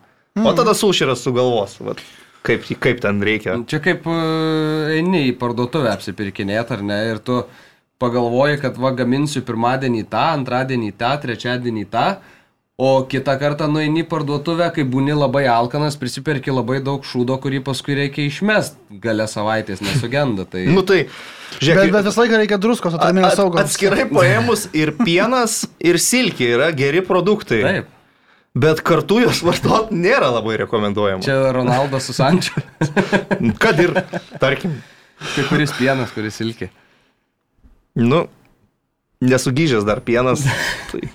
Tai, tai žiūriu- būna Aš žiūriu Kristijanas. į Marių, kuris jau minutę ten. Liuk, Liuksemburgo karalius. Lietuvos imperatorius. Klausykit. Kristijanų Ronaldų. Klausykit, trys klu- klubai pagrindiniai Anglijai nubėgė jau, kaip ir prognozuota turbūt. Galbūt prie jų buvo neseniai ir priskyrę ir Man United, bet vienas taškas prie 12, e, iš 12 galimų pastarųjų, tai yra nelabai geras rodiklis, švelniai tariant. Klausimas ketvirtos vietos panašu tampa atviru, bent iš toj sezono stadijai. Kas šiuo metu iš tų kitų apatinio, sakykime, ešalono komandų jūsų manimų būtų ketvirtas realiausia? Mano manimu, Lesteris, ką jūs galvojate? Aš manau vis tiek, kad ilgainiui United bus ketvirtė, bet e, iš to, ką dabar demonstruoja, nežinau, Lesteris atkuto, pagerino žaidimą, sezono pradžioje man jie atrodė tokie truputėlį išsisėmę, bet dabar pastaruoju metu šiek tiek pakeitė taktinę schemą, Brendanas pradėjo su trim vidurio gynėjai žaisti ir jie va, tą patį Brentford ambicingai pasiguldė. United prieš tai aplošė po rinktinių pertraukos, tai tikrai solidus, bet aš norėčiau pažymėti vis tiek ir Londono arsenalo tai komanda, labai kuri dabar jau yra tokia susiformavus, aiški. Tomas Parti sveikas, įrodinėja pagaliau savo tikrasias galimybės. Obamejangas šį sezoną atsigavęs, gynybos ketvirtas pagaliau kažkoks susistigavo. Smith Rau norėčiau išskirti kaip puikios formos žaidėją. Jam gal į Anglijos rinktinę kiebloką prasimušti, kai jo pozicijoje yra tiek daug talentų, bet e, arsenalė tai yra augantis dar vienas lyderis ir kai jie žaidžia vienam turnyrui ir tos rotacijos daug nereikia, tai tegul tik tai pirmin juda. Nu, supelas ten pirmadienį buvo rungtynės sunkios, įsitraukė lygiasis, bet tarkim prieš Aston Villa labai tokia Partijas ypatingai irgi. taip, tvarkinga pergalė, tai nenurašyčiau aš jų šiuo Tai- metu, tai arsenalas nieks nesako, atrodo labai labai neblogai.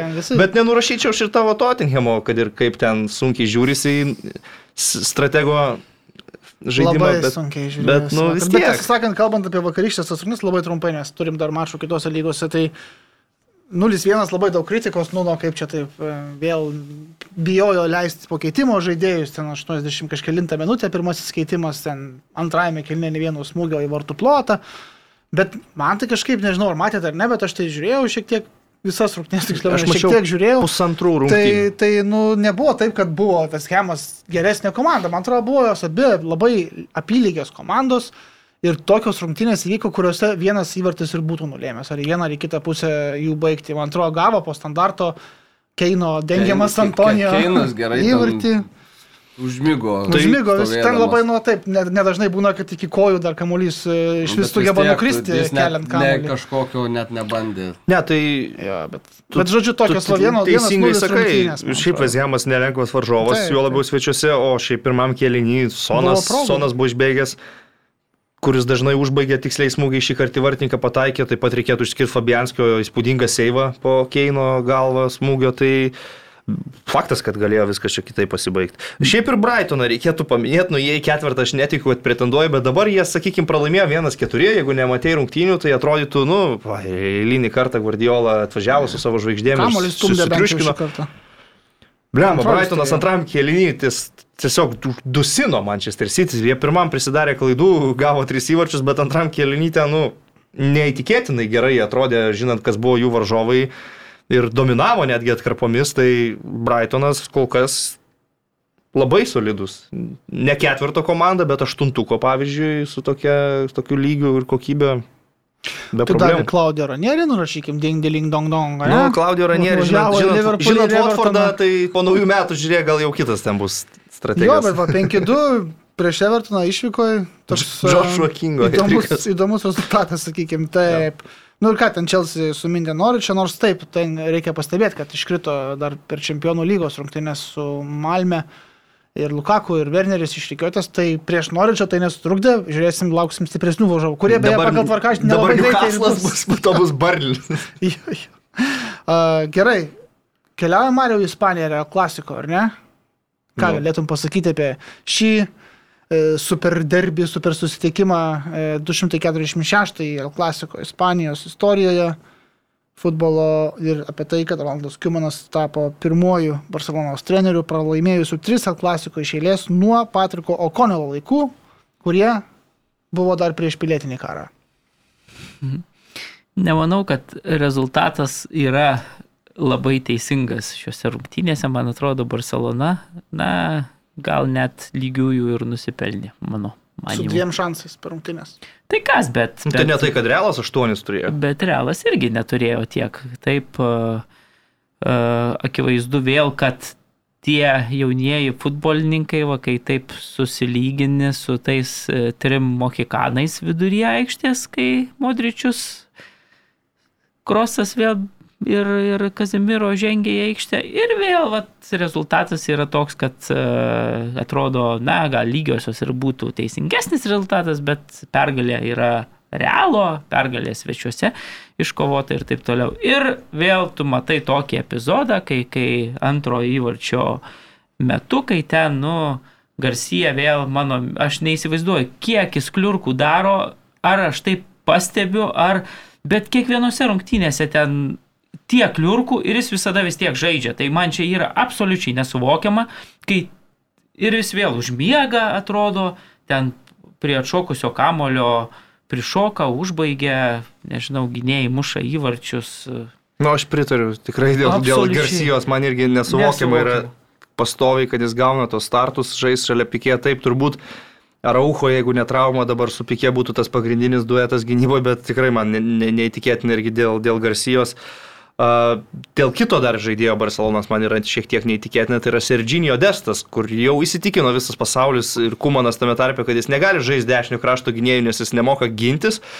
Tai dabar nusprendė, kad jis turi žaisti vingerių ir kalbant apie tas dvi progas, nu tai įmušk. Ta prasme, Serginio Destas geresnės progos Ten gyvenime. 25 El berods Clasico minutė įmušt. buvo tokia, kur, nu, Nebuvo pataikė iki 97 vartus. skersą bent padarė. Tai... Bet, bet Nu, tuo bet- metu pirmam kelnynų tau per gyvenimą geresnės progos Camp Nou stadione per El Clasico įmušti jau nebus. Tai dešinių gynėjų žaisti jis negali, vingerių žaisti jis negali. Siūlau Kauno Žalgirio arenui, Barsas žais futsalo turnyrą. tegul vežas ir Džinio Desta, galbūt futsalė realizuos save šis Tai amerikietis. gal nes- Luka Dejonga ten nugarą į vartus. Luka Dejonga irgi. gali pa- pajungti tą komandą, aš manau, kad be jokių problemų su žalgyriečiais galės kautis. Bet Gal net Eurolygoje jisai galėtų žaisti. Beje, buvo nušiltas Lukas Dajongas Barsus fanų šitos rungtynės. Bet čia nušvilp neįreikia, čia nušvilp tra jo transferą. jo. Jis nu, nekaltas, kad Nu, taip. atsidūrė ne, ne, te- ten, kur jam man ne atrodo, vieta. ne jam Nu, Čia išvilpė. kaip dramblys ten mašinoje atsidūrė ir tie memai būna, neaišku, kaip čia jis taip, bet atsidūrė. tai ne tai- jam išvilpė turbūt. Nu, gali būti. Bet kita vertus, Marius irgi teisus, kad turbūt pagal žaidimą čia Barsa nebuvo tokia bloga ir, ir galėjo paimti lygiasias. Kas, kas skaudžiausia, kad praleido įvartį tuo metu, kai žaidė savo turbūt geriausią atkarpą rungtynėse. E, Buvo prispaudę Madridą, bet e, Depajus taip. Visa komanda buvo labai jau aukštai pakilusi polimą, Depajus prie baudos aikštelės pralaimėjo dviko, prarado kamolį. Po to buvo praleistas e, Mingėsa, ne, nepamenu, kurį žaidėją ten pametė. Ir greitą tokią kontrataką žaibišką surengė Realas. Tai buvo vienodi įvarčiai. kur, kurią užbaigė esmės. Alaba. Nu, puikus vis tiek smūgis ir iš, iš, gynybos, iš gynybos toks spurtas labai laiku atliktas, tai tikrai Pirmas berocio įvartis. Taip, pirmas. Taip, pirm- puikiai kontrataka, čia nieko Ir nepasakysi. jis ir pradėjo beje tą Taip. ataką, ta prasme, pats Perimtų nu, ką kamuolį, perėmė kamuolį, pirmą Tai- pasą atliko. Tai, Va nu, dėl šito skaudu, kad tu epizodas. žaisdamas kaip ir savo geriausią atkarpą tuo metu rungtynėse gauni įvartį. O paskui tas bandymas lyginti, nu, buvo tų epizodėlių, sakykime, pikė ten po kempinio galvą, dar daug visokiausių atakų, nu, Nu, aš tai nemanau, aš manau, kad Realas buvo vertas pergalės. Aš nesakau, kad nevertas, aš tiesiog sakau, kad Barsa nebuvo labai Ne, bloga va, šitose nu. Destas, sakykim, tokių neįmuša ir tada realas iš to savo, nežinau, patirties, kokybės, va padaro tokias dvi, du staigias atakas. Gerai, pirma, labos ten puikiai, 1, 2, 3 pasai, viskas sm- smūgiu pasibaigė įvarčių, tada vėl Vaskesas ten, sakykim, gauna Asensijo prišoka prie atšokusio kamulio, kur, nu, jeigu tu esi gynės, nu tai tu saugai, o ne, Balai. aiškiai, Nu, nosį, tai- ne, ne, čia- čia- atšoka nuo... Nė, taip, nėra komentarų dėl, dėl to Tai- epizodo.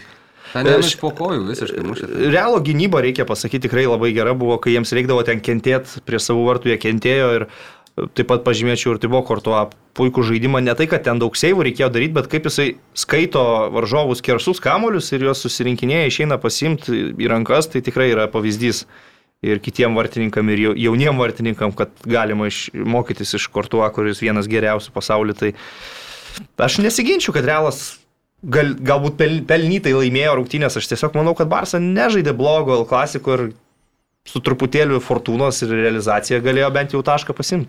Mm, Gali būti. Man, man tai sutiktum, kad e, L klasiko šiaip yra praradęs svorį šiek tiek e, kaip, kaip dalykas, ar ne? E, kom- Pagrindinės žvaigždės Ronaldo ir Mesis išvykusios, e, komandos bent jau Barsa tikrai šiaip nusilpusi. Taip, tai tie jaun- jauni žvaigždūnai užaugs netrukus ir viskas ten bus tvarkoje, bet e, kol jie užaugs, tai lankomumas šiek tiek sėdės. Ką reiškia sėdės pilnas stadionas 89 tūkstančių? Būtent šitos rungtynės ir taip. 85 buvo, nebuvo. Devyni, pilnas. 89 Buvo pilnas, Buvo nu. eilutės rungtynių metu 84 beveik 5 tūkstančiai žiūrovų.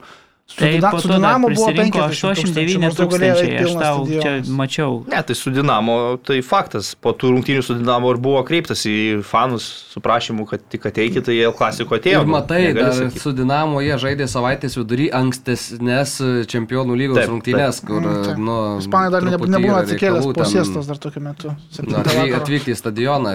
Niekas nedirba, visi Barcelonai, kuri pas mus neatsidarė. Pietų miegas. 8 Barsui kokiam dviem valandom, gal mažiau, ar ne? Gal, Tuo gal, metu. Valanda. gal vieną. Ar vieną. Nu, Bet bet taip, vis tiek, tokiam... Katalonų čia pietų, pietų miegas. Jo, jo, jo, jo, tikrai. Kaip ir tu ir aš esame įsitikinę. O dėl tavo gintarai to pasakymo, man atrodo, kad, kad ir kokios tos komandos bus, visada L klasiko bus L klasiko. Ir faktas, kad Barsa dabar išgyvena ne pačius geriausius laikus, Realas, nu, sakykim, irgi ne tas topinis, kuris buvo prieš penkerius metus, bet vis tiek aukšt, aukštos klasės, aukštos prabos komanda.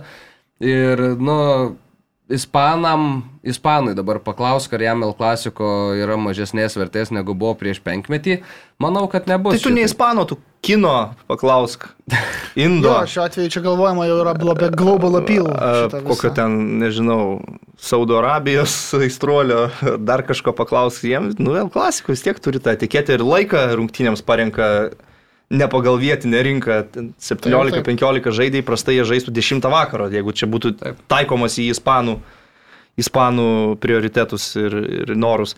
Bet šiaip aišku, nu, tai Varsa nusilpus, realas visai solidus ir įdomus šį sezoną. E, Aš matau pas Barceloną daug gerų pozicijų, bet ir probleminių. Tai tarkim, saugų linija, kokia ji yra, ar tai būtų su Busketsu, Dejongu ir Gavi, ar vietoj Gavi Pedri, nu, puikiai, du jauni geri žaidėjai, vienas veteranas vis dar puikus, polime Memphis su Ansu Fati, ok, kad šalia jų žaidžia Destas, ne ok. Jie ten dabar kalbama, kad... suprantu, tu destų nematai vietos iš vis Iš Barsoje. vis jokios, nei vienoj pozicijoje. Nu, neturi nei IQ žaidėjas, nu nieko, kad žaistų Barcelona. Ryčio verdiktas. Man tokia. neįtikėtina, kad jį nusipirko ir kodėl jį nusipirko. Ir tai buvo bandymas vėlgi po Dani Alveso dar vienas nesėkmingas į dešinį gynybos kraštą atrasti tą, tinkamą žaidėją, bet nu... Tai Dani Alvis Sakė, sakė, grįš. Gal jisai- grįžta. sakė, Jo, tai yra Gerai. gandų beje, kad, kad jie sausį bandys išsinuomoti Rahimą Sterlingą iš Manchester City, kuris nėra laimingas ten. Tai dešinio gynėjo pozicija? Ne, ne, ne. Dabar Vingerių žaidžia Destas. Tai... Na, Žiūrėk, front, front free, kraštą. Memphis, Nu. Ansu, Rahimas. Turėjo Guero, nuo suolo daug, daug progų, mažai įvarčių. pakylanti. Nu, bet čia jau potencialas, jau Bet žaidėjai žaidėjai. dešiniai reikėtų žaisti ambiškai kairė. Apkeistų fatigina į tų Žaidžia visai visose trijose pozicijose. Devintų, kairiai, dešiniai. Bet kairė. Čia įsprendžiami dalykai. Memphis su Ansu stumdosi. Ansu dabar, tarkim, devintų numerių žaidė prieš Realą, prieš tai žaidė krašte, Memphis žaidė devintų. Čia tai Ar čia realu, kad... bus svarbu tokie- kokybės turėti. Nu, jeigu nuomos sutartis tenkina man City, taip pat Sterlingas, aš manau, imtų progą nuvažiuoti į Barsą ir žaist. Bet krašto gynėjai man yra va šitas dalykas. Žordį Albai iki šiol nėra jokio dublerio. Žaidžia Barsą rungtynės Lisabonui su Benfica, geriausias krašto gynėjas rungtynės yra Lamasijos auklėtinis, bet žaidžia ne Barsoje, o Benficoje, Aleksas Grimaldo. Dešiniam krašte ten Kumanas pats nesuvokia, kas turi žais, Destas atsistoja, kuris iš vis negali žaisti, jau sakiau. Sergi Roberto yra saugas, bet jau daug metų žaidžia dešiniam krašte, nes nėra kam žaisti. Mingesa vidurio gynėjas dabar žaidžia dešiniam krašte. Nu, kraštiniai gynėjai šio laikinio futbolo yra tokia, nu, žiauriai svarbi pozicija ir Barsa, nu, šitoj, šitoj pozicijoje yra be galo trapi. Turi praktiškai tik Žordį Alba ir daugiau nieko. Mariau, kas laimės Ispaniją šį metą? Real Sociedad. Raudonom akim ištarė. Kažkodėl. tai gerai, Real Sociedad žaidė Madride prieš Atletiko 2-2, pirmavo 2-0, bet Suarešas e, išlygino. Kodėl tu Suarešu vadini? Netyčia dabar Suarešas. Taip. Čia du- su tuo Cedriku Suarešu. Aš su Portugalijos futbolu turiu ir tarimų reikalų. 2-2 baigėsi mačas. E, graž, gra, gražus Sociedado įvarčiai. Man tai ar ne? atrodo, kad Sociedad. e, Sociedado, šita, jo. šitam mače San Sebastiano. Algusilio ten tie vyrai tikrai buvo verti pergalės, nes Atletiko toks atrodė. nu, toks- Žiovaujantis, ne? Toks, Žiovaujantis toks blankus tikrai ir, ir, ir atrodė tas rezultatas 2-0, taip vis, Aha, jau atrodė viskas atrodo eina, nu, baskų pusėn ten taip nesunkiai ir tada tie du vat, įvarčiai kažkaip ten tas baudinys toksai, nu, ir, ir, ir viskas va taip pasibaigė. Mm.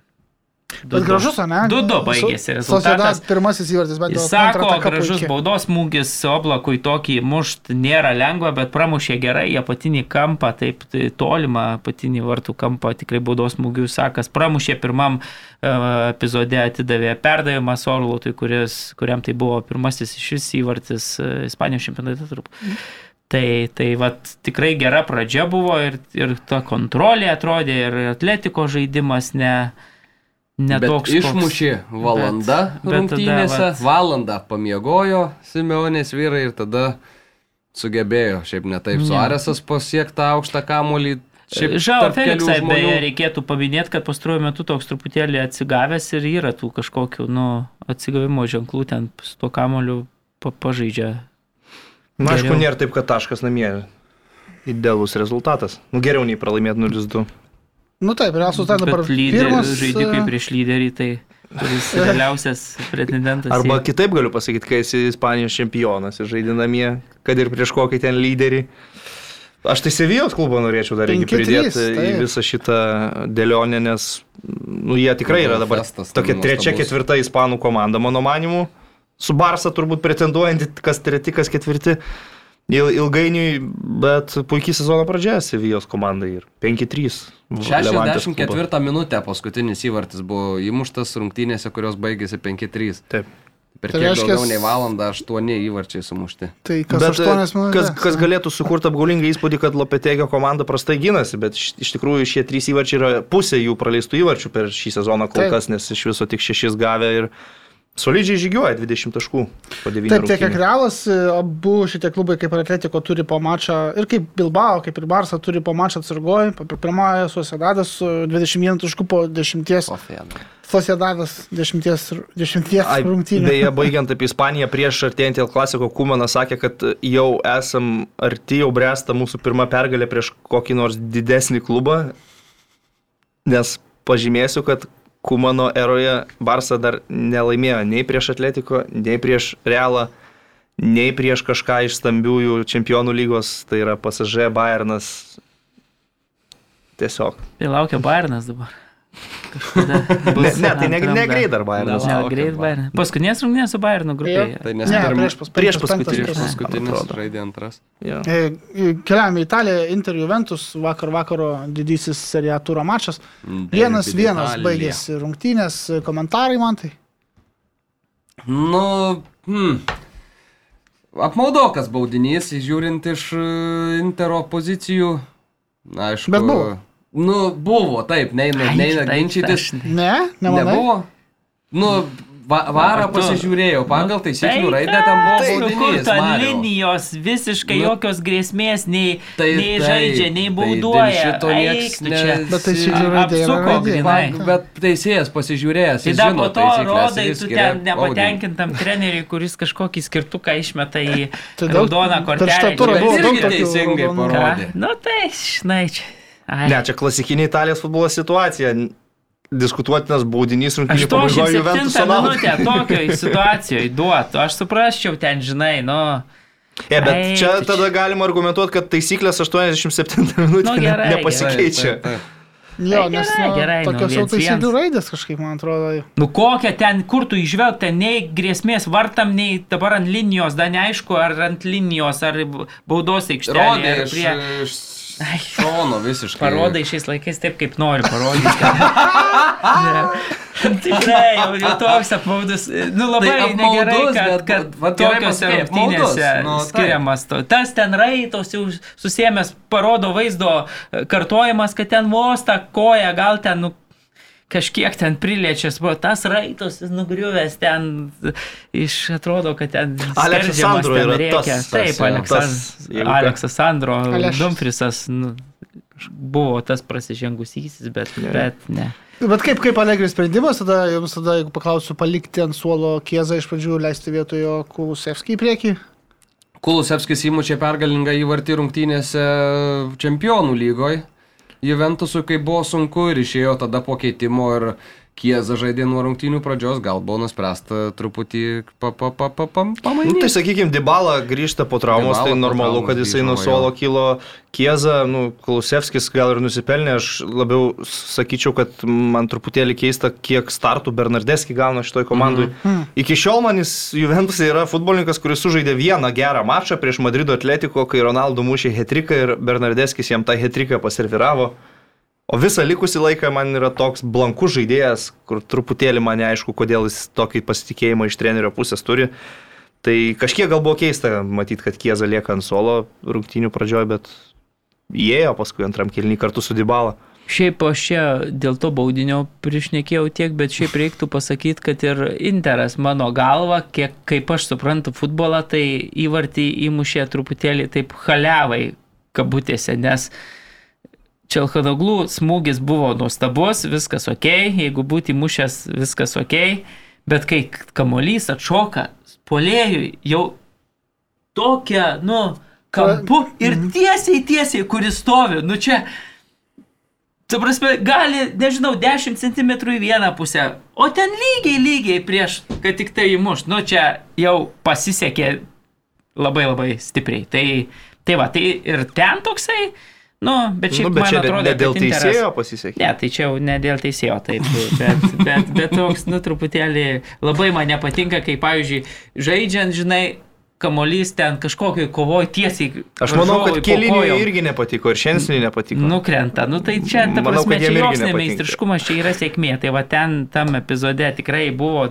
daug sėkmės, ten jau teisėjas truputėlį patraukė, bet šiaip man atrodė, kad Interas, nu gal rezultatas 1-1 ir taip dėsningas, bet Interas truputėlį geresnė komanda. Man irgi truputį geresnis atrodė Interas, kita vertus galbūt Allegri tokiuose rungtynėse svečiuose ir taktiką paėmė gana atsargoką. Aš taip sakyčiau, ir ta sudėtis galbūt tokia. Nu, bet, Bet- išvaryti bet- man bet, Simonę, tai čia iš vis nesąmonė, ta prasme. Bet šiaip ma- mažokai progų tokios rungtynės buvo Taip, gana taip, taip. uždaros. Dėl Simonės Inzagį išvarimo tai vienas dalykas, bet ar, ar tu matėjai, kokia raudona kortelė buvo parodyta Lučianos palėti jau po finalinio teisėjo šilpuko? Tai mačiau, kaip ir antra Tai- geltona buvo. specialistą kitą va- išvarė, bet, bet spalėti po rungtynių atėjo į aikštės vidurį ir plojo Taip, taip. savo žaidėjams. Žiūrint į, iš kamerų, nesimato, kad jis būtų kažką sakęs, kad jo lūpos įdėtas tiesiog plojo. Arbitras sutraktavo, kad čia buvo kažkokie sarkastiški aplodismentai jam. Ir ištraukė raudoną kortelę. Jis pradėti pakomentavo pats, ką jisai pasakė. Jis vis dėlto pasakė, by the way, well done, nu, angliškai. Tai, yra, tai itališkai, aišku, sakė, beje, puikiai padirbėta, jisai norėjo padėkoti nuoširdžiai teisėjai Mhm. pavardė Masą už tai, kad jisai suvaldė emocijas galbūt. Tas žaidėjų. formulės lenktynininkas teisėjavo. Felipe Masa. Ir, ir dėl to, kad e, taip pagyrė teisėjo darbą, jis turbūt netaip išgirdo šis tokio ir tada ištraukė raudoną. Beje, Atalantos sudinezės rungtynėse irgi Gasperinis išvydo prieš save raudoną kortelę, irgi prie, prie dėl, dėl kažkokio panašaus incidentėlio, kuris net nebuvo kažkokia kritika nepagarbi teisėjo atžvilgiu. Tai ten kiek čia tų trenerių toks per turą turas. išvaryti? Visus strategus suvarė į konteinerį, į man salą. visų šventųjų savaitgalio. Asistentam duos stažuotis. Bus, e, kaip būna diena be automobilio, tai serija bus diena be trenerio kitą šeštadienį. Turas, bet trenerių. Taip. Ir beje, Atalanta 1-1, tai penki tik tai taškai iš 15 galimų namų stadione šį sezoną. Romo Napolį irgi nepaminėjau, rezultatai 0-0. Ir pirmi taškai čia prarasti beje. Taip, Napolio Napolis vis dar pirmas, bet taškais jau susilygino Milanas, kuris e, įveikė labai netikėtai net 11 prieš 10 žaisdami, Prieš ten susikūrė, paskui jau prieš Galiausiai 9, jo, tai prieš Baloniją galiausiai vis dėlto laimėjo, bet Šiaip reiktų dar paminėti, man atrodo. Verona Latvija būtinai, ar ne? Jo, keturi įvarčiai Giovannis Simeonės, keturi įvartukai. Argentinietis. Ir Sūnus. Vienas iš sūnų. buvusio savo tėvo klubo vartus, va taip suleido keturis įvarčius. Ir, ir, ir išskirtinis rezultatas, bet ant suolo Romos Lacijo komandoje sėdėjo toks Florianas Musolinis, kuris yra anūkas Benito. Tai va, O, 18 nu, metais. ne- nenuostabu, kad Latvija klube, tiesą sakant. Dešiniam krašte žaidžia, kaip sakoma. Jo, jo, jo. Dešinio krašto saugas. Dešinio, gal tolimojo krašto labiau. Žinai? Alterna Radi- alter radikaliojo. alternatyvus Pirmą krašto kartą, saugas. pirmą kartą iš vis ant suolo jis ten, kadangi jaunimo, mes gal net esam kažkuriam podcast'e, man atrodo, Tai esame senelis šitą. šitas stumė čia, ne? Bet tai turi būti. Ir, bet dabar jau ir ant suolo buvo registruotas rungtynėse. Tai. O Giovanni Simeonė, tai beje, 26 metai ir gentnietis šiaip nėra toks labai didelių klubų kažkoks žaidėjas. Jisai žaidė, aišku, River Plate Banfield'e, paskui at- atkeliavo į Seriją A ir ten. Fiorentina Fiorentinoje, Kaljaris. Ir dabar va apsistojęs Tai Veronoje. dar yra Giulianas Simeonė, kuris pas, pas tėvą Madride, 18 metis. Nu. Ok, Vokietija. E, Bayernas priemė Hoffenheimą, tikėjausi šiek tiek daugiau intrigos, man atrodė Hoffenheimas pajėgus gana bent kėlinį pasipriešinti Bayernui, bet taip neatsitiko, Mario ar ne, e, 4-0. Liovos įvartis labai gražus toksai, e, antrasis. Ai, aš. nu, paleido tokį labai gerą. Bet Levadovskis šiaip per pridėtą laiką galėjo Barnas įmušti labai penktą įvartį, bet pižoniškai nedavė paso ir šiaip labai piktas, neatsimenu dabar, kas ten buvo, bet apėjus jau ten visiškai tu duodi savo komandos draugui ir, ir penktas įvartis, nu į tuščius vartus reiktų mušti. Jisai, supranti, ten mušė ir, ir komandos draugai buvo labai nepatenkinti Lenko tokiu elgesiu ir man atrodo, kad labai ta kritika yra pagrįsta, nes, nu, kad ir kokia tu ten būtum įvarčių mašina, kad ir kiek tu ten rekordų bandytum gainiotis ir, ir vytis, bet, nu, blemba, taip negalima, net ir prie rezultato 4-0 daryti ir, ir sutinki turėti, matėjai tą, tą epizodą. Nu, highlightus, mačiau. Nu, tai, ta prasme, visiškai, nu, Nu taip. pižonas. Pižonų išvadino savo klubo simbolį. Štai ne, taip, gerai, štai va, taip. žiūrėk, bet, bet ge, geri, kai gerai būna, o Ne. va, kai mato, biški Tai primena. aš- Na, aš bet šiaip sutinku. gerai, Mülleris vėl. Jaunas žaidėjas tai padarytų. Bayerno komandai gautų ausūno Taip, veteranų. taip, taip, Le- ypatingai nuo Lewandowskio tokio, Leva- jam dabar, pavyzdžiui, neduotų ten koks nors, žinai, musialą, tai oi, jis ten mojuotų tom rankom, kaip dabar suprantu. Aš norėčiau gal iš Vokietijos pažymėti Dortmundo Borusijos reikalus, šiek tiek jie reabilitavosi po Amsterdamo, 3-1 nugalėjo Bielefeldo Arminė, bet esu viename podcast'e kėlęs klausimus ir teorijas apie Dortmundo Borusijos fizinio rengimo trenerius. Tai dabar vėl Holandas gavo traumą.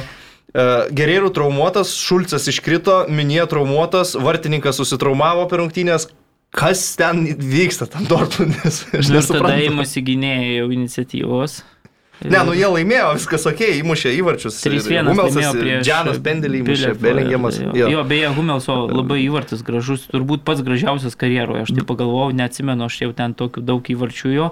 Beje, jis kiekvienam bet- sezonė Bundeslygo kiek žaidžia, bent po vieną įvartį įmuša, kiekvienam sezonė. Nors yra viduje. Ne, bet tai ten būna, žinai, Ne, jo, jo, nu, aš čia tik- aš galva, tik šiaip sakau faktą, Čia kad- tokį, ką tu paleisti į devynis, kaip- nu, kaip- nuostabus. kaip- Ir Belingemo beje įsikūnijęs į tą tokį šių dienų salachą, tai geras reitas ten tikrai fantastiškai. Tiesiog tarp kaip, kaip, trijų kaip žaidėjų. vidurio gynėjai nu, nuo 2008, kad kiekvienam sezonė 15 metų bent įvartį pelno, nu, tai vis tiek gan, gan įspūdinga. Bet su tom jų traumom, nu, man kažkas nu, ne, nerealaus yra. Nu, kaip taip gali būti? Kad būtent šitam klube pastoviai krenta tie svarbus startinės sudėties žaidėjai ir pastoviai traumuotų sąrašas yra ten 8-6 žmonės. Ir Holandas, va tarkim, grįžo, sužaidė su Ajaxu, iškrito, dabar sako, kad nežais Mėnesį, ne? apie mėnesį. Mm. Tai rinktiniai negalės padėti kitose Taip, taip, svarbiose taip. rungtynėse ir, ir Dortmundo, aišku, svarbės, svarbius mačius taip pat praleis.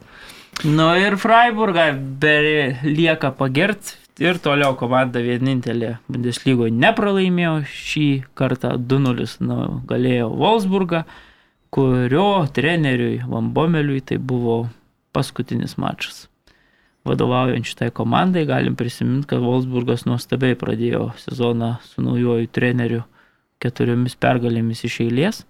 Pirmavo Bundeslygoje, bet dabar nelaimė aštuonių mačų pailiui jau ir, Specialistas netenka darbo. ir specialistas netenka darbo, buvęs PSV Eindhoven treneris. PSV, blema. Ta žmogų, kuris tą o tarimą žinai, įkirto. O kas, o kas Žinai, įkirto? O tipo nežinai, Tai ne pirštus ryti liežuvį. O tipo nežinai, Nu, kas sugalvojo šitą PSV. Aš įtariu savo kolegą. tai, čia. Nu, jeigu čia būtų Vokietijos klubas, tai būtų PSV. Jo, jo.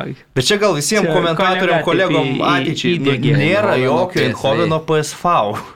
Nėra tokio klubo. Čia, bet tai tas kolegas sakydavo turbūt pats nuo Hamburger SV, ne? Ar ne? Ar netardavo? SV? O ką aš žinau? Jeigu sakai vokiečių kalboje tiktų SV. nu, tai FAU. tik, nu taip, nu. Nu, tai, eh, Aš nežinau, nu, ko tai aš neįlysiu ne, tai kitas, kit, kitam žmogui galvą, neįlysiu, kodėl taip Ne, taip, taip, taip, aš buvo, bet nėra jokio, nėra jokio PSV. Gerai. Olandui pasakyk, kad PSV šiandien žaidžia, sakys. Sakysiu, prieš ką, prieš Adžeksą? Olandai tai Philips reiks sakyti. E, Bayeris Leverkuseno išvaistė persvarą Kelne 2-2. E, man patiko, įdomu tiksliau buvo, kaip pasisakė klubo e, vadovas Fernando Karo apie Bundeslygos problemas, finansinės lubas ir taip toliau. Tai norėjau pacituoti ir paklausti jūsų nuomonės. E, Jis pasakė, kad jo manimų Bundeslyga rizikuoja tapti Premier lygos vystimosi lyga dėl to, kad e, neįmanoma šiuo metu sumažinti atotrukio tarp e, pajamų gaunamų iš e, televizijos transliacijų teisių. Pavyzdžiui, teigia taip, mes bandėme vasarą nusipirkti žaidėją, tačiau galiausiai jį, jam daugiau pinigų ir didesnį algą galėjo pasiūlyti į Premier lygą prasimušusi iš čempionšipo komandą daugiau negu mes, kurie esame top 4 e, realiai sudėtis Vokietijoje. Tai jis dar pasakė, kad Premier lyga turi gerokai daugiau pinigų, gerokai daugiau išteklių. Vokietijoje vienintelis Bayernas gali galbūt konkuruoti kažkiek pinigais su Premier lygos, netgi visais turbūt klubais, ne šiaip ten pagrindiniais. E, ir kad tai yra problema. E, ką daryti? kad taip nebūtų, nieko nepadaryti, ar, ar, ar kaip? Man atrodo, kad e, šitos lygos šiaip eina labai skirtingų kelių ir Anglai eina tuo keliu, kuriuo tu gali turėti didžiausius pinigus, didžiausius biudžetus su Nu, Ką reiškia, kaip, kaip, kaip jie eina tuo keliu? Nu tai žiūrint ne tik į ten populiarumą lygos ir panašiai, bet ir į klubų savininkus tikriausiai. Ir su tokiais, e, tokiu modeliu tu gali turėti tuos e, penkis kartus didesnius biudžetus, tos, tą pačią vietą Ne, užimti. nu, bet čia konkrečiai apie televizijos pinigus Apie kalbam. televizijos pinigus. Atskirtis tai yra, nu, milžiniška. Jo, kaip tada turbūt reikia klausti, kaip padidinti kitoms lygoms, ar įmanoma kitoms lygoms padidinti savo tą e, globalinį patrauklumą tiek, kad už televizijos teisės tos lygos mokėtų panašiai pinigų pasaulis tiek, kiek moka už Premier lygą. Manau, kad ne, nepasidaro čia tokie dalykai, tiesiog Jo. iš didelio noro, tai toks, toks gyvenimas, bet čia paminėjo Leverkuseno vadovas e, Bundesliga, aš tai sakyčiau, nu visa Europa taip jau tampa Premier lygos, e, kaip ten, kaip ten plėtojimuose. Nu, taip, taip. kur tiesiog paskui susirankėjo tos žaidėjus, ku- ku- kurių reikia už ger- geras sumas. Nu, bet yra daug klubų Europoje, kurie iš tų žaidėjų pardavimų laikosi ir gyvena ir nemanau, kad labai skundžiasi, kad jiems Premier lygos klubai gali permokėti netgi už tos žaidėjus ir paklot beprotiškus pinigus tik tai tam, kad būtent gautų tą futbolininką. Tai Nu, tokia dabar yra turbūt, e, kaip sakant, būna ta tokia nu, maisto piramidė. Tai, tai jinai vat yra, nu ir Premier lyga suryja, e, toks ryklys, kuris nu, daugiausiai visko suvalgo ir suvartoja, bet taip. O ką, o ką tu padarysi? Nu, rykliai, žiūrėkit, turiu jums klausimą. Sakyk. Yra du treneriai, kurie šiuo metu ilgiausiai dirba top 5 lygose. Ilgiausiai. Mhm. Įsivaizduojat, kas tokie? Nu, tai Freiburgo strategas turi būti. Ne? Ilgiausiai išėlės jo. vienam Vienas klube straikas nuo Štraikas, Jisai 2.11. ten labai ilgai. bet tu turime ilgiausiai viena, viename klube. Taip, ir dar vienas yra nuo šitos, va, 2.11, jeigu visus tos klubus penkių lygų, nu, aišku, dabar jau Prancūzijos čempionatas yra šeštoji lyga, bet, sakykime, Tai Čia jis patenka į šitą. Ką? Patenka į tavo į šitą. Prancūzijos, jo, visi, visi tie didžiųjų šalių penki, tai yra Štraikas e, nuo 11 metų ir dar vienas treneris, kuris vadovauja nuo 11 metų, tai yra du ilgiausiai dirbantis Tu šiuo ne Šonas Dašas, kas nors mus? strategai. Ne, nemanau.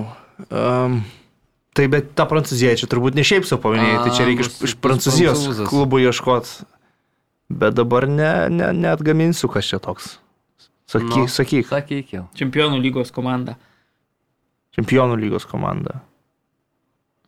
Tai negi Lilio strategas. Ne, Negali tai. Lilis Ne, ne, šį ne, sezoną ne. Naują. treneriai pakeitė, Galtie į Nicą išvažiavo. Lionas yra. Lionas bosas treniruoja, Jo. ne.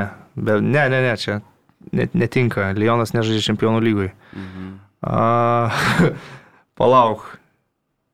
Prancūzijos komanda ar ne? Mariu. Ne, nu tai Prancūzijos čempionų lygoje yra pasažė Ne, netinka, atkrenta viskas, ne. Lilis netinka. Monakas nepateko ir netiktų bet kokiu atveju. Ispanai, Barça, Realas, tai? Simeonė.